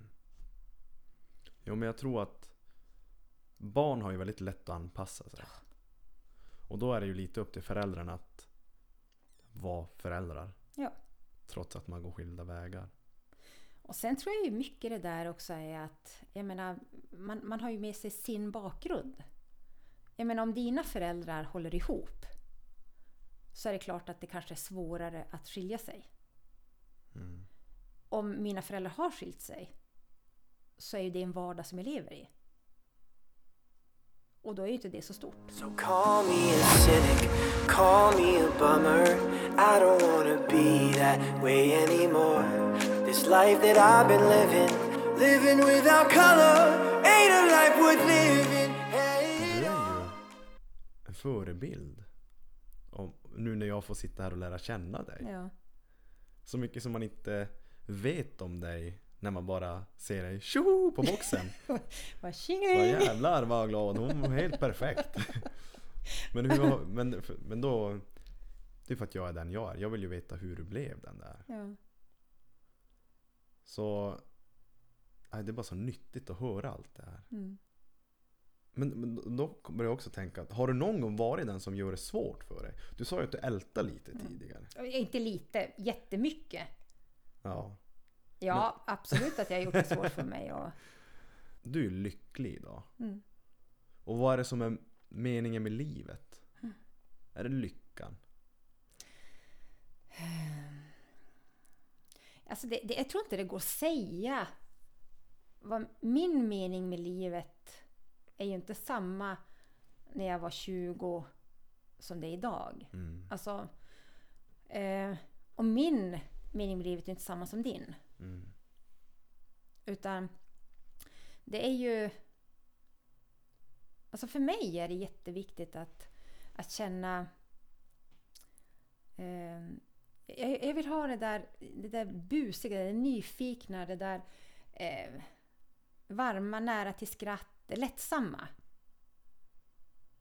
Det är det som jag känner nu att jag... Alltså jag lever, som jag säger, i så, så enormt bra tid i mitt liv. Eh, vart liksom alla är friska. Jag har liksom min familj och jag brukar kalla mina liksom närmsta vänner. Eh, Ann-Sofie som vi har hållit ihop sen hon föddes, hon är året yngre än mig och Anna sen eh, jag flyttade in på Lompis, då var vi fem. Så att det här är ju liksom över 40 års vänskap. Det är min lilla klan. Det är de som jag vet att de, de kommer alltid lyfta och bära mig. Alla mår bra, alla liksom är eh, friska. Det, det har haft jättejobbiga stunder tillsammans med dem också som vi har fått liksom reda ut och jobba igenom och, och har väl till och från än. Men, men fortfarande så jag kan liksom verkligen bara känna att jag blir överrumplad över hur mycket kärlek jag får uppleva. Hur många människor som jag på riktigt älskar. Och som är ehm, så nära. Men du är ganska bra att ta in det tror jag. Eh, jag tror det. Kanske bättre än de flesta. Inte nödvändigtvis men jag tror att jag är inte rädd att visa det heller. Nej. Jag säger ju oftast att jag älskar dem och till, till min familj och, och det är kramar och det är... ehm, jag menar att de, de är viktiga för mig. Mm. Och jag vet ju att du har varit i Afrika. Hur många gånger har du varit i Afrika? Eh, jag har varit fem, sex gånger har jag nog varit. Någonting sånt. Så jag har varit i fem olika länder där. Och, och en person som du, som åker till ganska fattiga ställen va? Mm. Jag tror att du är bra på att ta med dig från en, från en sån resa till att uppskatta ditt liv här i Sverige ännu mer. Mm. Alltså, kan du förklara i typ Afrika, hur, hur lever man i Afrika? Är det som på film eller? Eh, ja, det beror på vilka filmer du har sett. Det är hyddor och, man, hyddor och det är ingen mat. Och det Ehm, ja, men där, de länder jag har varit till, det är ju på östkusten.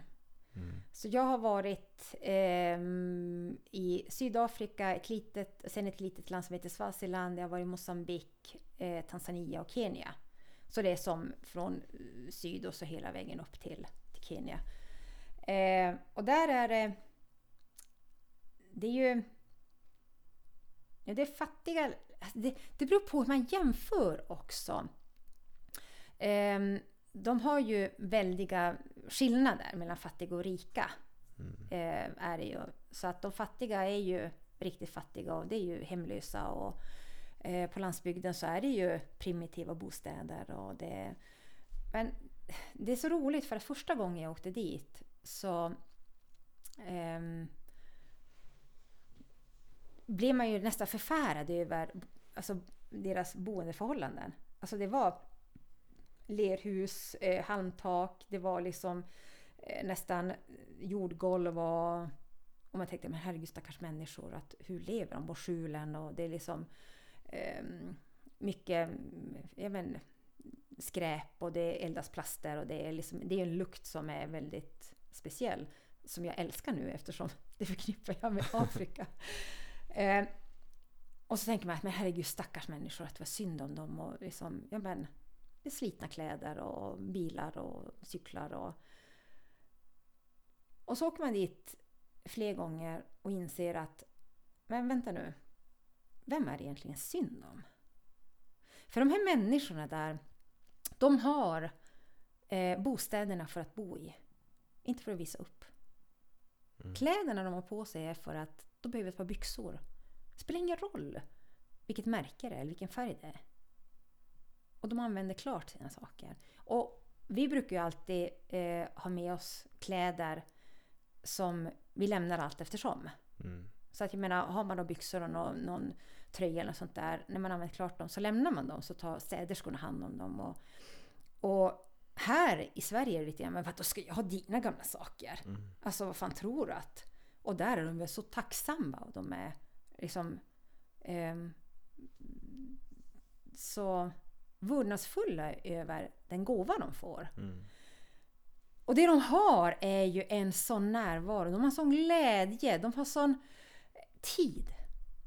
Mm. Och att man faktiskt hälsar på varandra. Man pratar med varandra, frågar hur man mår och är intresserad av att höra svaret. Inte bara “tjena läget” och sen bara “woho!” mm. Nej, mobilen ringde visst. Eller, Ehm, helt fantastiskt. Och så jämför man med då oss i Sverige där vart vi jobbar på våra arbeten som vi kanske inte trivs på 100%. Vi har valt arbetena själv men ser det nästan som ett straff. Jag måste gå på det där arbetet. Bara, Fan helvete så är det måndag igen. Nu måste jag gå till det där jävla stället. Och jag börjar bli lurad på pengar och, och ja, vad man nu kan tycka. Det är liksom dåliga löner och alla andra har det bättre. Man är där, kanske lite inte alltför lycklig. Och så åker man, hoppar i sin bil, åker hem, kanske plockar upp något eh, halvfabrikat på vägen hem och så åker man hem och så är man i sin lilla box. Sin perfekt renoverade box. Då, det där lilla hemmet. Att man har gjort precis allt som man ska göra. Och ensam.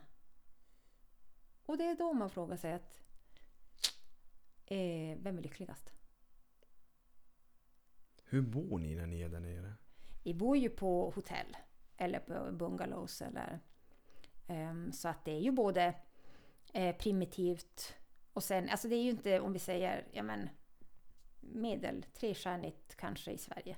Funkar det så att ni är på ert hotell, ni har käk och ni har dusch och ni har toa och Åker man då ut till de här samhällena för att se träffa de här som har det lite primitivt?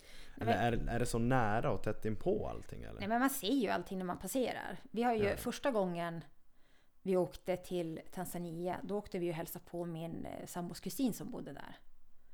Ehm, och då är det klart, då kommer man ju liksom, jag menar man åkte omkring i hans bil och ehm, vi åkte iväg på safaris och sen åkte vi till Zanzibar för sol och bad. Så att det är klart liksom när man, när man transporterar sig så, så ser man ju allting. Men alltså de är, de är så lösningsorienterade. Det, finns, det är aldrig något problem där heller. Händer det någonting så bara, inga problem. Vi löser det. Alltså på riktigt. Och de gör verkligen det. Mm. Det är ja, helt fantastiska. För alla bilder jag har sett som, eh, som du har lagt upp, de ler ju på alla bilder. Ja, men de gör det. De, de, är, ju, de är ju glada. Ja, alltså det är sådana leenden. Och det är på riktigt. Ja, men det ser man ju. Det Det bara är, lyser igenom. och som sagt var, det, det är liksom det är eh, slitna kläder. Här handlar det liksom inte om att eh, man ska ha eh, rätt makeup eller rätt klocka eller rätt eh, märke på skorna eller det senaste. Utan det ska funka. Mm. Bara funkar. Och sagt, jag har aldrig sett så många vuxna människor som är liksom ute och sjunger och dansar och jular med barnen. Och liksom, Medan vi håller på att inreda våra eh, utevardagsrum Mm. för 30-40 tusen så använder de bil och traktordäck. Mm. Och är lyckliga över det. Och så var det så jävla häftigt att se. Mm, det och det, alltså det, som är, det är klart att de lever kanske inte lika länge som oss. Mm. De har det ju svårt, det har de ju. Mm. Men inställningen. Alltså det är det, och jag brukar tänka på det så mycket att, ja men, de där leendena som man möts av och jag tror ju på något sätt att, att det vi mår dåligt av är ju mycket grundat på eh, att vi inte umgås socialt. Att vi inte har den här naturliga, att jag menar som sagt, där man förbi grannen eller liksom, alltså nu ska vi ju bjuda in varann. Man kan inte bara droppa förbi och bara ah, nu käkar men jag käkar med dig. Alltså så är det. Mm. Utan det liksom ska vara formellt och då ska det vara liksom, ja men vi bjuder på, på fredag om tre veckor. Mm. Då kan ni komma, då är det, och då är det tre rätter. Så liksom. Men vad händer med Bullens pilsnerkorv? En, en gryta på, på spisen. Kom och ta lite varmkorv och bröd. Mm.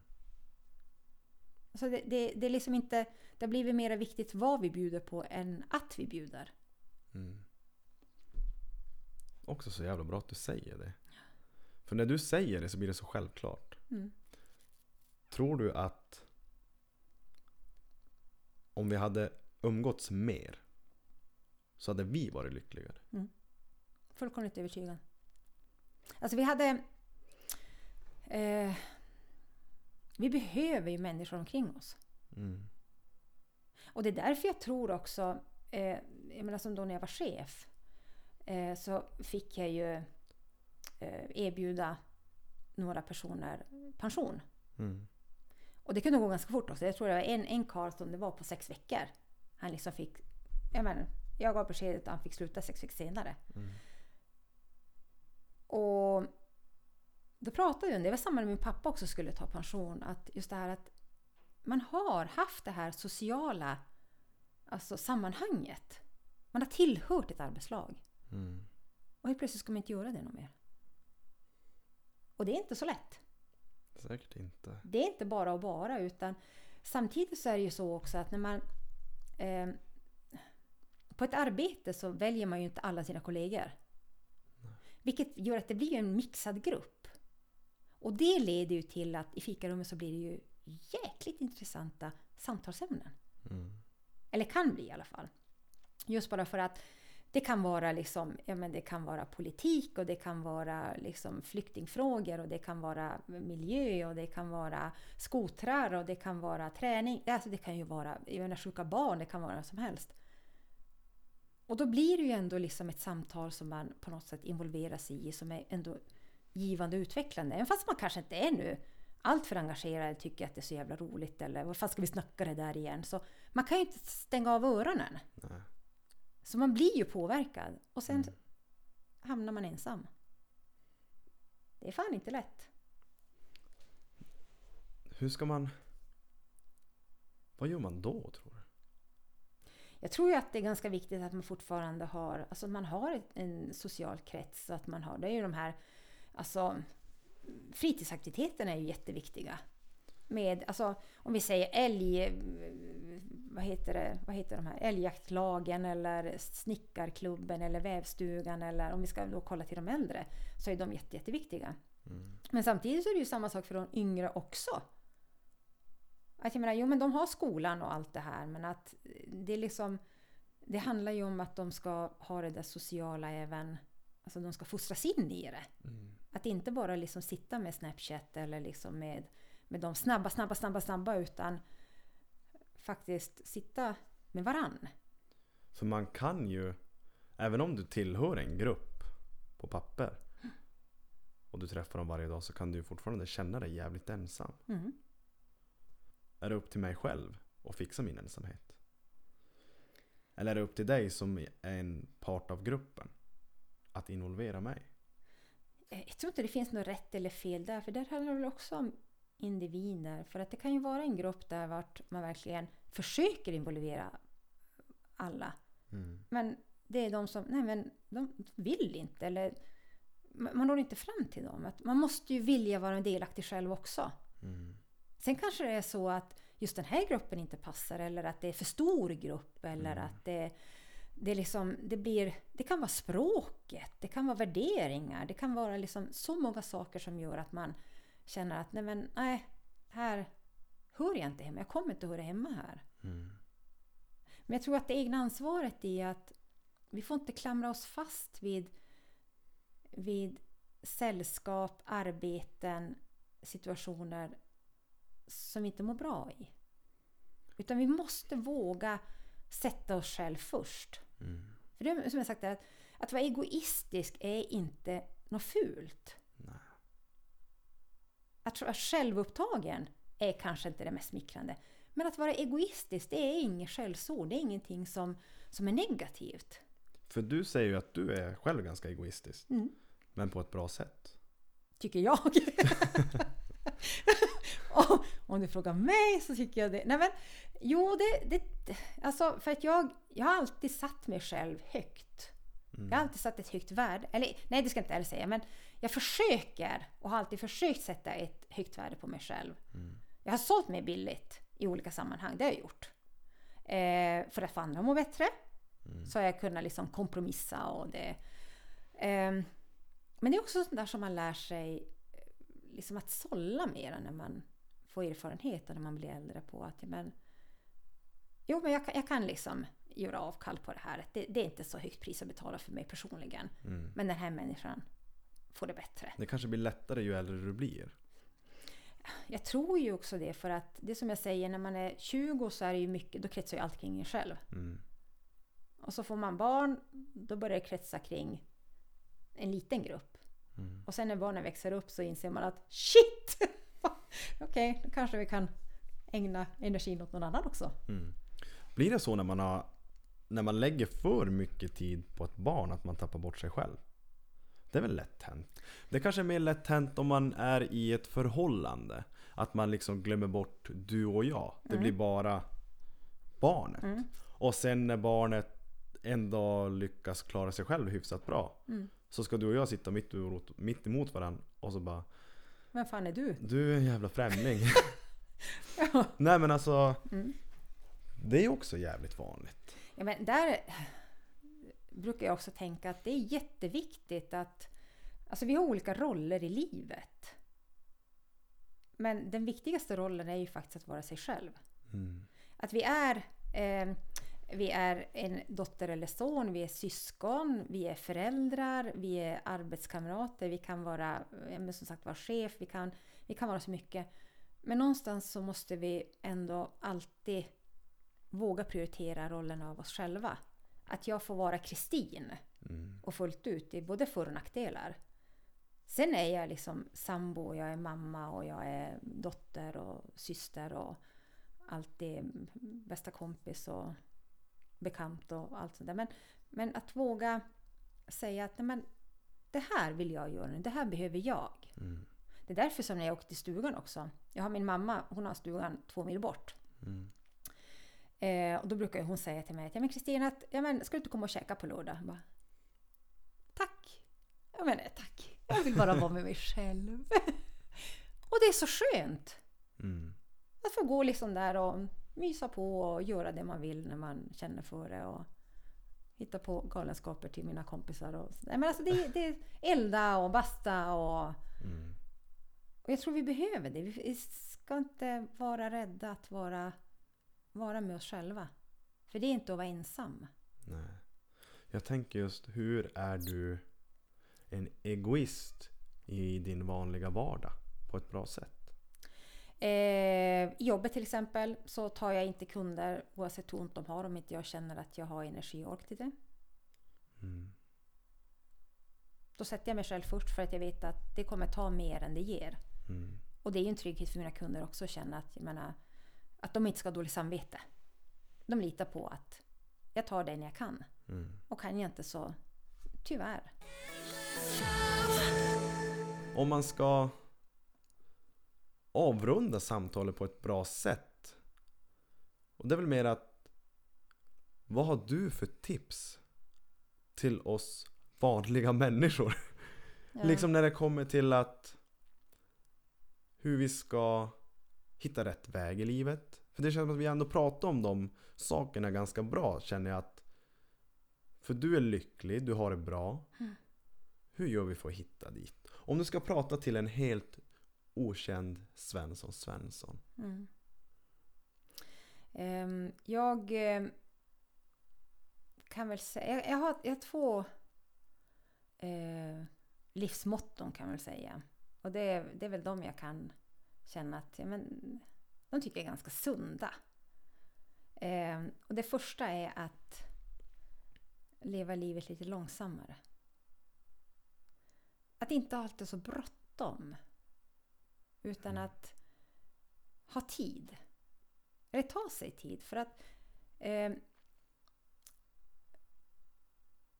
vi fyller på varenda tomrum som vi har. Varenda lucka i dagen så ska vi göra en massa saker. Tills vi bränner ut oss och inte gör, orkar göra någonting. Och då är det bara att fråga sig, men måste man göra allt det där? Kan man sätta sig ute på bron bara med en kopp kaffe och, och kolla när ungarna cyklar? Eller måste man stå inne och diska? Eller dammsuga? Mm. Eller tvätta? Eller åka och handla? Eller träna? Mm. Eller göra allt det där som renovera hemma eller eh, jobba övertid så man ska kunna byta bil fast man har en som funkar. Nej, men alltså just det där att våga ha luft i Mm. vardagen och vara där vart vi är. Att inte hela tiden vara på väg någon annanstans. Och nummer två. Det är... Eh, ja, den, den är så jäkla bra. Den... Eh, jag höjer inte förväntningarna men det var, det var förra sommaren så var vi hos eh, då min sambos i föräldrastuga och så kom hans faster dit. En underbar kvinna. Eh, Thea heter hon, är konstnär och är 85. Och riktigt sådär, alltså det är en så vacker kvinna och riktigt sådär som man tänker sig en konstnär. Eh, hon bor i Stockholm. Och så sa hon till mig att, vet du Kristina, att äh, jag kan bli lite less på mina väninnor. De bara- pratar sjukdomar och mediciner. Och, och det är väl ganska tråkigt samtal. Och sådär. Men jag vill ha kul. Och så sa hon att men då har hon en väninna som är lik henne. Alltså just det där med inställning och hon är väl också mellan 80 och 90. Och då hade den här väninnan varit eh, på hälsokontroll. Och så hade, hade hon frågat läkaren, kan man dö frisk? Och när Thea sa det till mig, då klack det till någonting hos mig. Att, ja men herregud, det är ju så vi ska leva vårt liv. Att leva eh, ett så pass sunt liv så att när vi väl, när det väl är dags för oss så är det inte på grund av sjukdomar eller skador eller någonting utan det är för att men vi är färdiga med livet. Och då måste vi börja nu. Att tänka på att allt det jag gör sätter ju spår framåt i livet. Så att äter jag skit så kräver ju det mer av kroppen än det ger.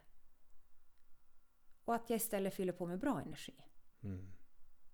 Att vad är, jag, vad är min kropp behöver för att, för att göra mig så frisk? Reparera de här liksom, dåliga cellerna och läka skador och få mig så, så bra som möjligt. Samma med stress, att välja bort stress, att våga göra det. Att, att välja det sociala umgänge som, som får en där att må gott, att det liksom bara man längtar efter människorna och känner sig så trygg och ett arbete som man trivs i och Mm. allt det där som, som... För man kan ju inte gå när man är 85 och säga att ja, men, jag tror att jag ska dö frisk. Nej men det är nu vi måste börja. Mm. Och lite grann det där att lev, leva långsiktigt, att inte ha så bråttom med sig själv. Mm. För är det någonting vi har tid till så är det ju oss. Mm. Kan man tänka lite så här också när du pratar om, om umgänget? Ger du mig energi eller tar du min energi? Mm. Då har man ett ganska bra utgångsläge om du ska få min energi eller inte. Mm. Om du bara tar min energi, vad ska jag då med dig till? Och sen framförallt att... ehm, för människor kan jag, jag kan... jag kan låta dem ta min energi. Alltså Mm. så är det. Mm. Men vad är syftet med det? Och vad... Mm. vad får jag ut av det hela? Då kommer den där egoisten fram ändå. Att, jag menar, ska vi verkligen umgås? Vill jag umgås med dig? Mm. För nu är det ju faktiskt så att jag har ju valt att komma hit till dig idag. Mm. För att jag vill det. Och det kommer eh, vara en av de finaste kvällar som jag har haft på länge. Just bara för att de här samtalen har man ju inte idag. Jag blir helt rörd. Oj, tack. Ja men så är det. Mm. Eh, så att jag tror ju att vi ska vara lite mer kräsna med vilka vi har omkring oss. Mm. För vi har jättemycket människor omkring oss. Och jättemånga kommer bara passera utan att vi reflekterar över det. Mm. En handfull människor som vi möter, och det här tycker jag är så fascinerande, det är sådana som man känner ganska instinktivt att oh, oh, oh, vi ska inte ha med varandra att göra. Vi, ska, vi håller oss Mm. på varsin kant. Och så finns det människor som känner liksom bara "Vuh!" direkt att vi, här klickar det. Mm. Och att man ser alla relationer som tillfälliga. Det tror jag också är jätteviktigt. För det är de. Att man inte tar det för givet menar du då? Mm. Eller? För det finns inga relationer som kommer vara för evigt. Mm. Då menar du till döden? Mm. Om det så räcker? Nej, men, alltså, det är den som kommer emellan om inte annat. ja. Så att, och vi vet inte när det inträffar. Mm. Och om man lever här och nu så är det ju lättare att verkligen vara i relationer. Mm. Och känna att jag, menar, jag, är, jag är jätteglad över att ha fått träffa dig. Alltså på riktigt på boxen att du har kommit dit, en fantastisk människa och att du vill ha med mig här. Mm. Men om en vecka så kanske du tycker att, alltså, fy fan. Kristin, eh, vi är klara med varandra. Men fine, Mm. Men då hade vi en jäkla bra kväll i alla fall. Vi hade en jävla bra avslutningskväll Ja, men i så fall. Alltså, eller att ja, men det, man, man växer ifrån varann. Mm. Vi har, på något sätt så har vi nästan panik över att herregud, vi var ju så nära, vi var så tajta, nu träffas vi aldrig. Mm. Så är det. That's life. Mm. Men då kommer det nya. Ja, det är ju så. Mm, det fylls på. Men ibland är vi ganska blinda Mm. och bara stirrar oss, men vi kan inte få något annat. Och hela världen står öppen. Den står så jävla vidöppen så det Mm. bara sjunger om det. Och en grej jag vill göra som jag egentligen gör med alla, det är ju det att du säger att ja, men alla gäster har lyckats.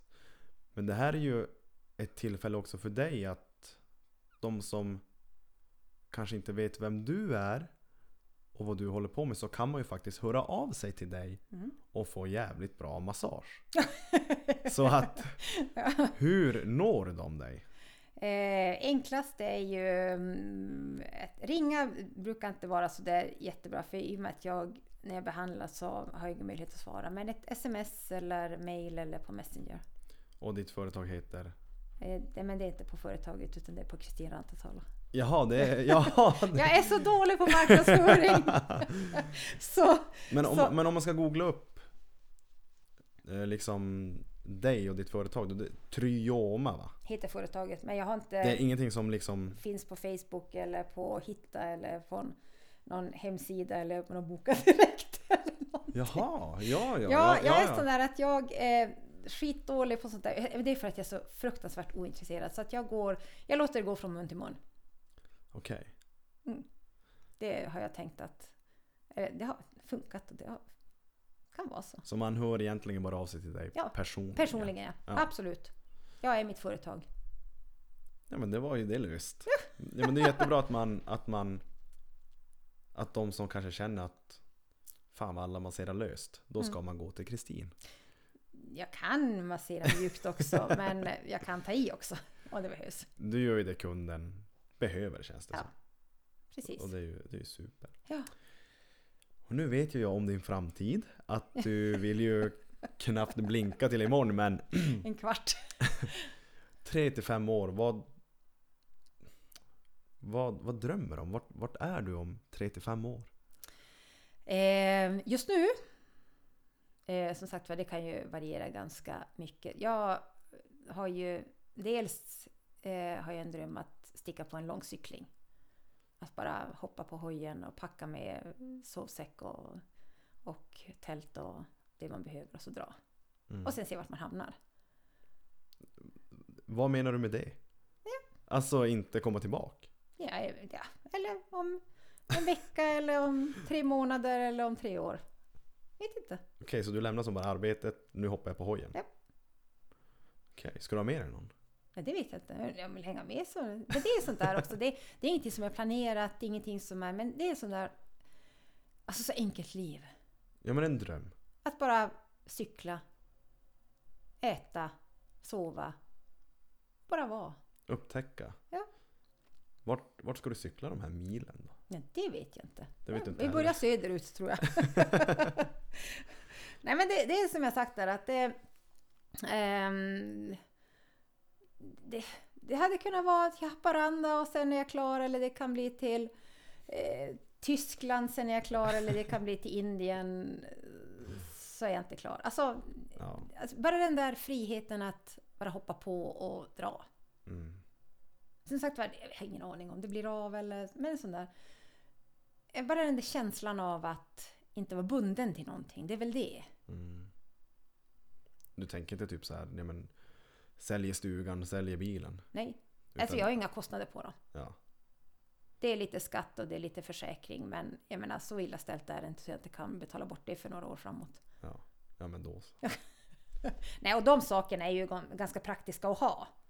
Jo. Så att det är ju liksom inte nå, någonting som... Och stugan är ju mitt, det är ju mitt paradis och Mm. det har jag nog aldrig tänkt att sälja. Och du masserar ändå om några år? Det är inte säkert.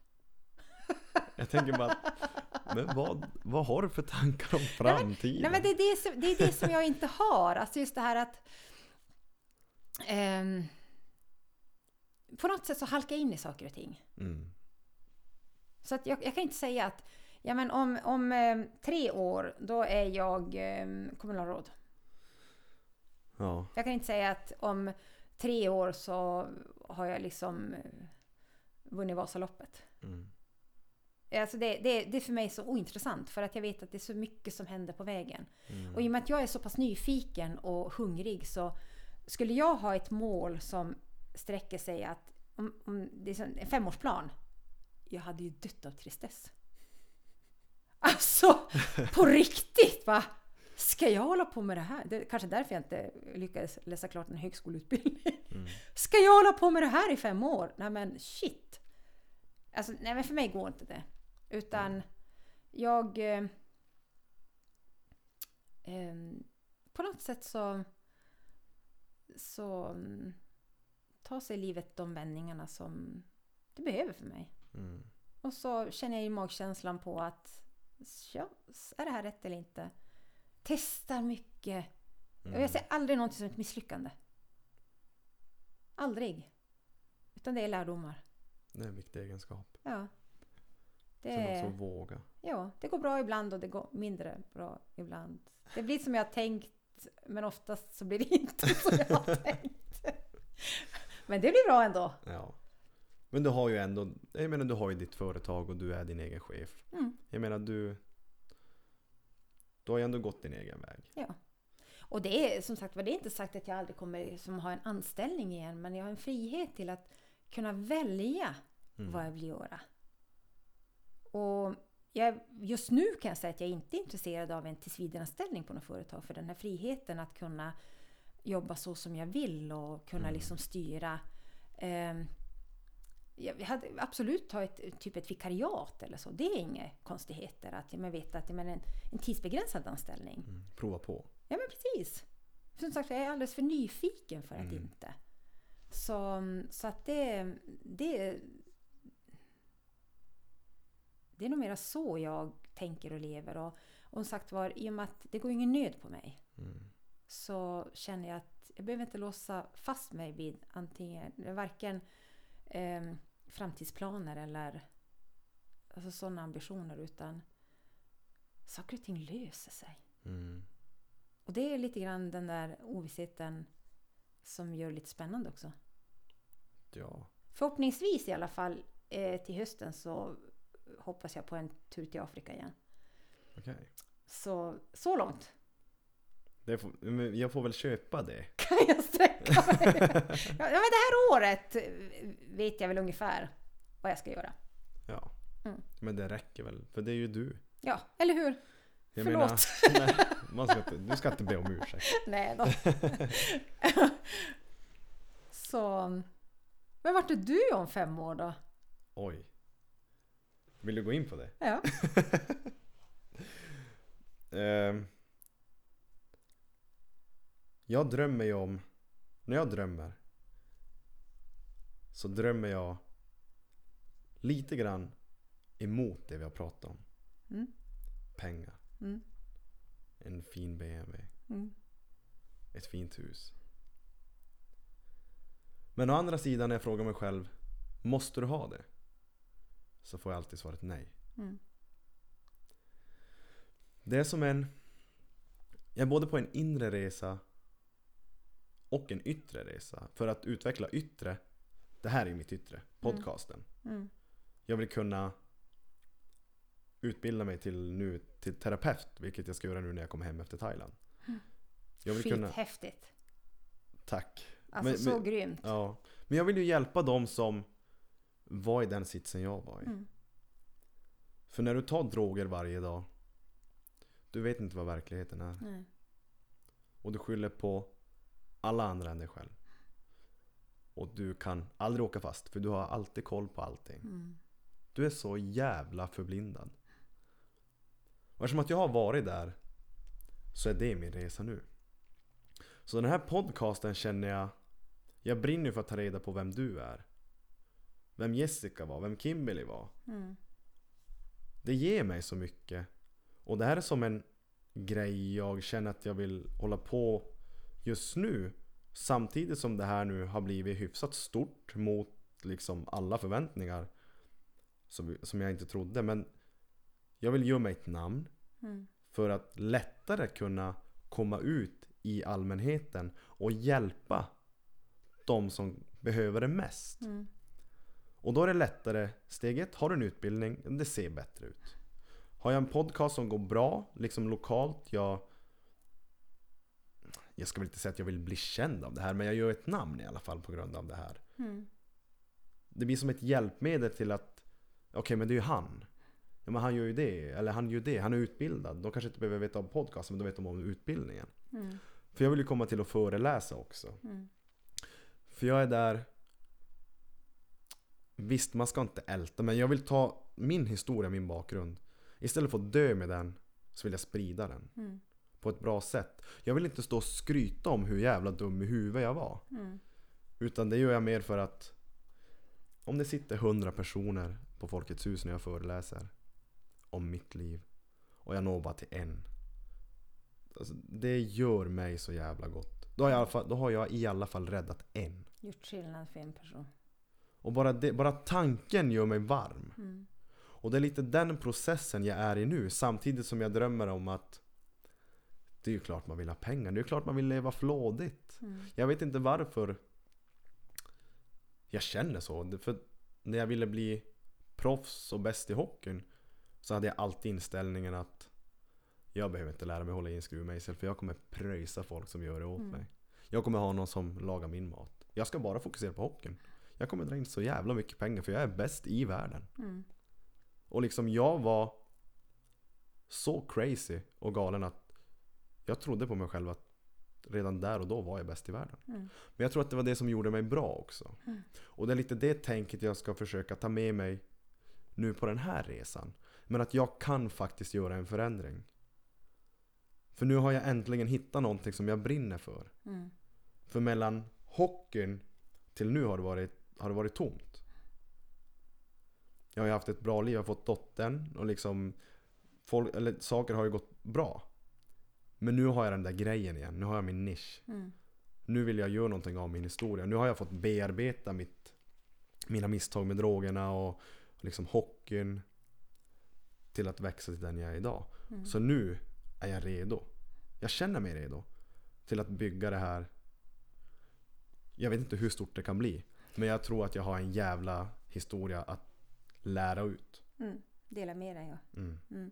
Men lite grann, att hur mycket identifierar du dig fortfarande med den hockeyspelaren? Mindre och mindre tror jag. Ja. För bara en reflektion där att det känns ju som att drivkraften till den här BMWn och pengarna och det kommer ju mycket från hockeyn. Mm. Att det var det du identifierade dig med, att du ska ha det är de där statusprylarna. Mm. Medans du säger själv också att jag vet inte varför. För det är egentligen inte viktigt. Nej visst är det konstigt? Eller det- du kanske har svaret? Ja, men, nej, det vet jag vet inte. Men det, det är som att det, det är en sån där rest från den tiden nästan känns det som. Ja det kan det vara. Att du, du levde med de tankarna och de värderingarna så länge så det är klart, det är inte någonting som man bara liksom sopar Nej. bort utan det är ju det är någonting som har präntats i dig. Mm. Men värmen i rösten och blicken när du pratar om det här med att föreläsa. Och, varför kan man inte få bli känd? Mm. Det är inget fult. Nej. Nej, det, Det handlar inte om att du ska vara någon kändis på liksom eh, sitta på någon, nu ska jag, jag vet inte ens vad det för kändisar nu, Nej, men alltså de där 15 minuter kändisarna, det är inte det du ska göra utan du ska göra dig känd, alltså ett känt namn för att kunna dela med dig och för att kunna liksom, ja, hjälpa andra, göra skillnad för andra. Mm. Det är inte säkert att du kan hjälpa dem, men du kan få dem att ta det där steget. Du kanske får dem att, att reflektera på att men shit, vad var det han sa egentligen? Och det kanske kommer två år efteråt, Mm. din föreläsning. Men där är ju verkligen någonting som du brinner för. Bilen, pengarna, kocken. Jag menar, nu har du ju fan börjat laga mat själv. Du behöver ju Ja. ingen jävla kock. Ja, nej. Jag är ju så illa tvungen. tills stålarna börjar rulla in. Nej men alltså det är ju det är lite grann det där som vi också behöver tid för att reflektera tror jag. Att, att verkligen bara sätta sig ner och fundera. att, Men vad vill jag nu? Mm. Hur mycket är kvar utav det som jag ville då? Som jag egentligen inte alls vill nu. Mm. Jag menar, är det så, alltså rent krass, är det en ny bil du ska ha? Mm. Jag menar ursäkta, du ska inte hålla på och lägga tid på det här. Då ska du ju vara på jobbet och Jo, jobba. nej men precis. Det är där du får in stålar. Ja. Men göra skillnad, Mm.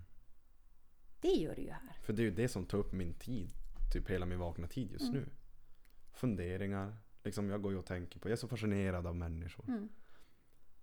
Och det har, det har vaknat och blivit mitt driv nu. Ja. Jag, alltså jag är så jävla hungrig Och på du det. tjänar ingenting på det här. Jag är ledsen att säga det, men just nu så tjänar du... Nu det ska- kanske du gör. Nu ska jag förklara hur det är. Jag betalar 490 spänn i månaden för att kunna ha unlimited med episoder, avsnitt. Ja. Om jag hade kört eh, liksom bara billiga versionen så kan jag bara ladda upp Jag tror det var två avsnitt i månaden, eller ett i veckan. Mm. Så jag tänkte att whatever, 500 spänn i månaden, 5000 per år någonting liksom. Alltså det, De där pengarna är min investering. Ja. Och inser du då nu? Just nu så är det inte BMWn.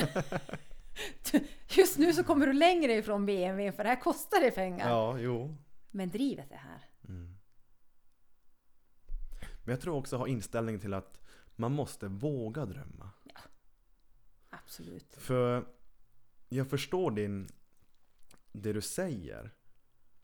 Men samtidigt så, jag ska inte känna mig dålig för att jag drömmer om en fet BMW. Nej. Men nej, absolut inte. Om det är det du drömmer om.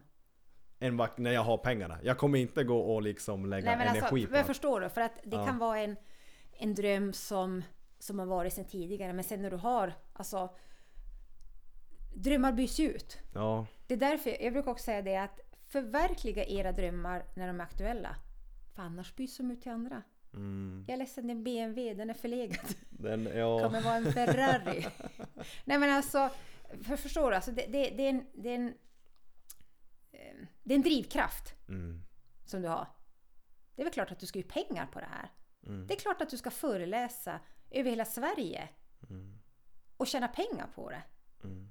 Det är inget snack om den saken. Det kommer du göra också. Ja, För drivet finns. Ja, det. Och om det nu är att du liksom har kvar det här med att ja, men jag ska känna ihop till den där, ska casha in den där BMWn. Ja men fine. Sen när det väl är där, då kommer du inte ha det minsta intresse för det. Säkert inte.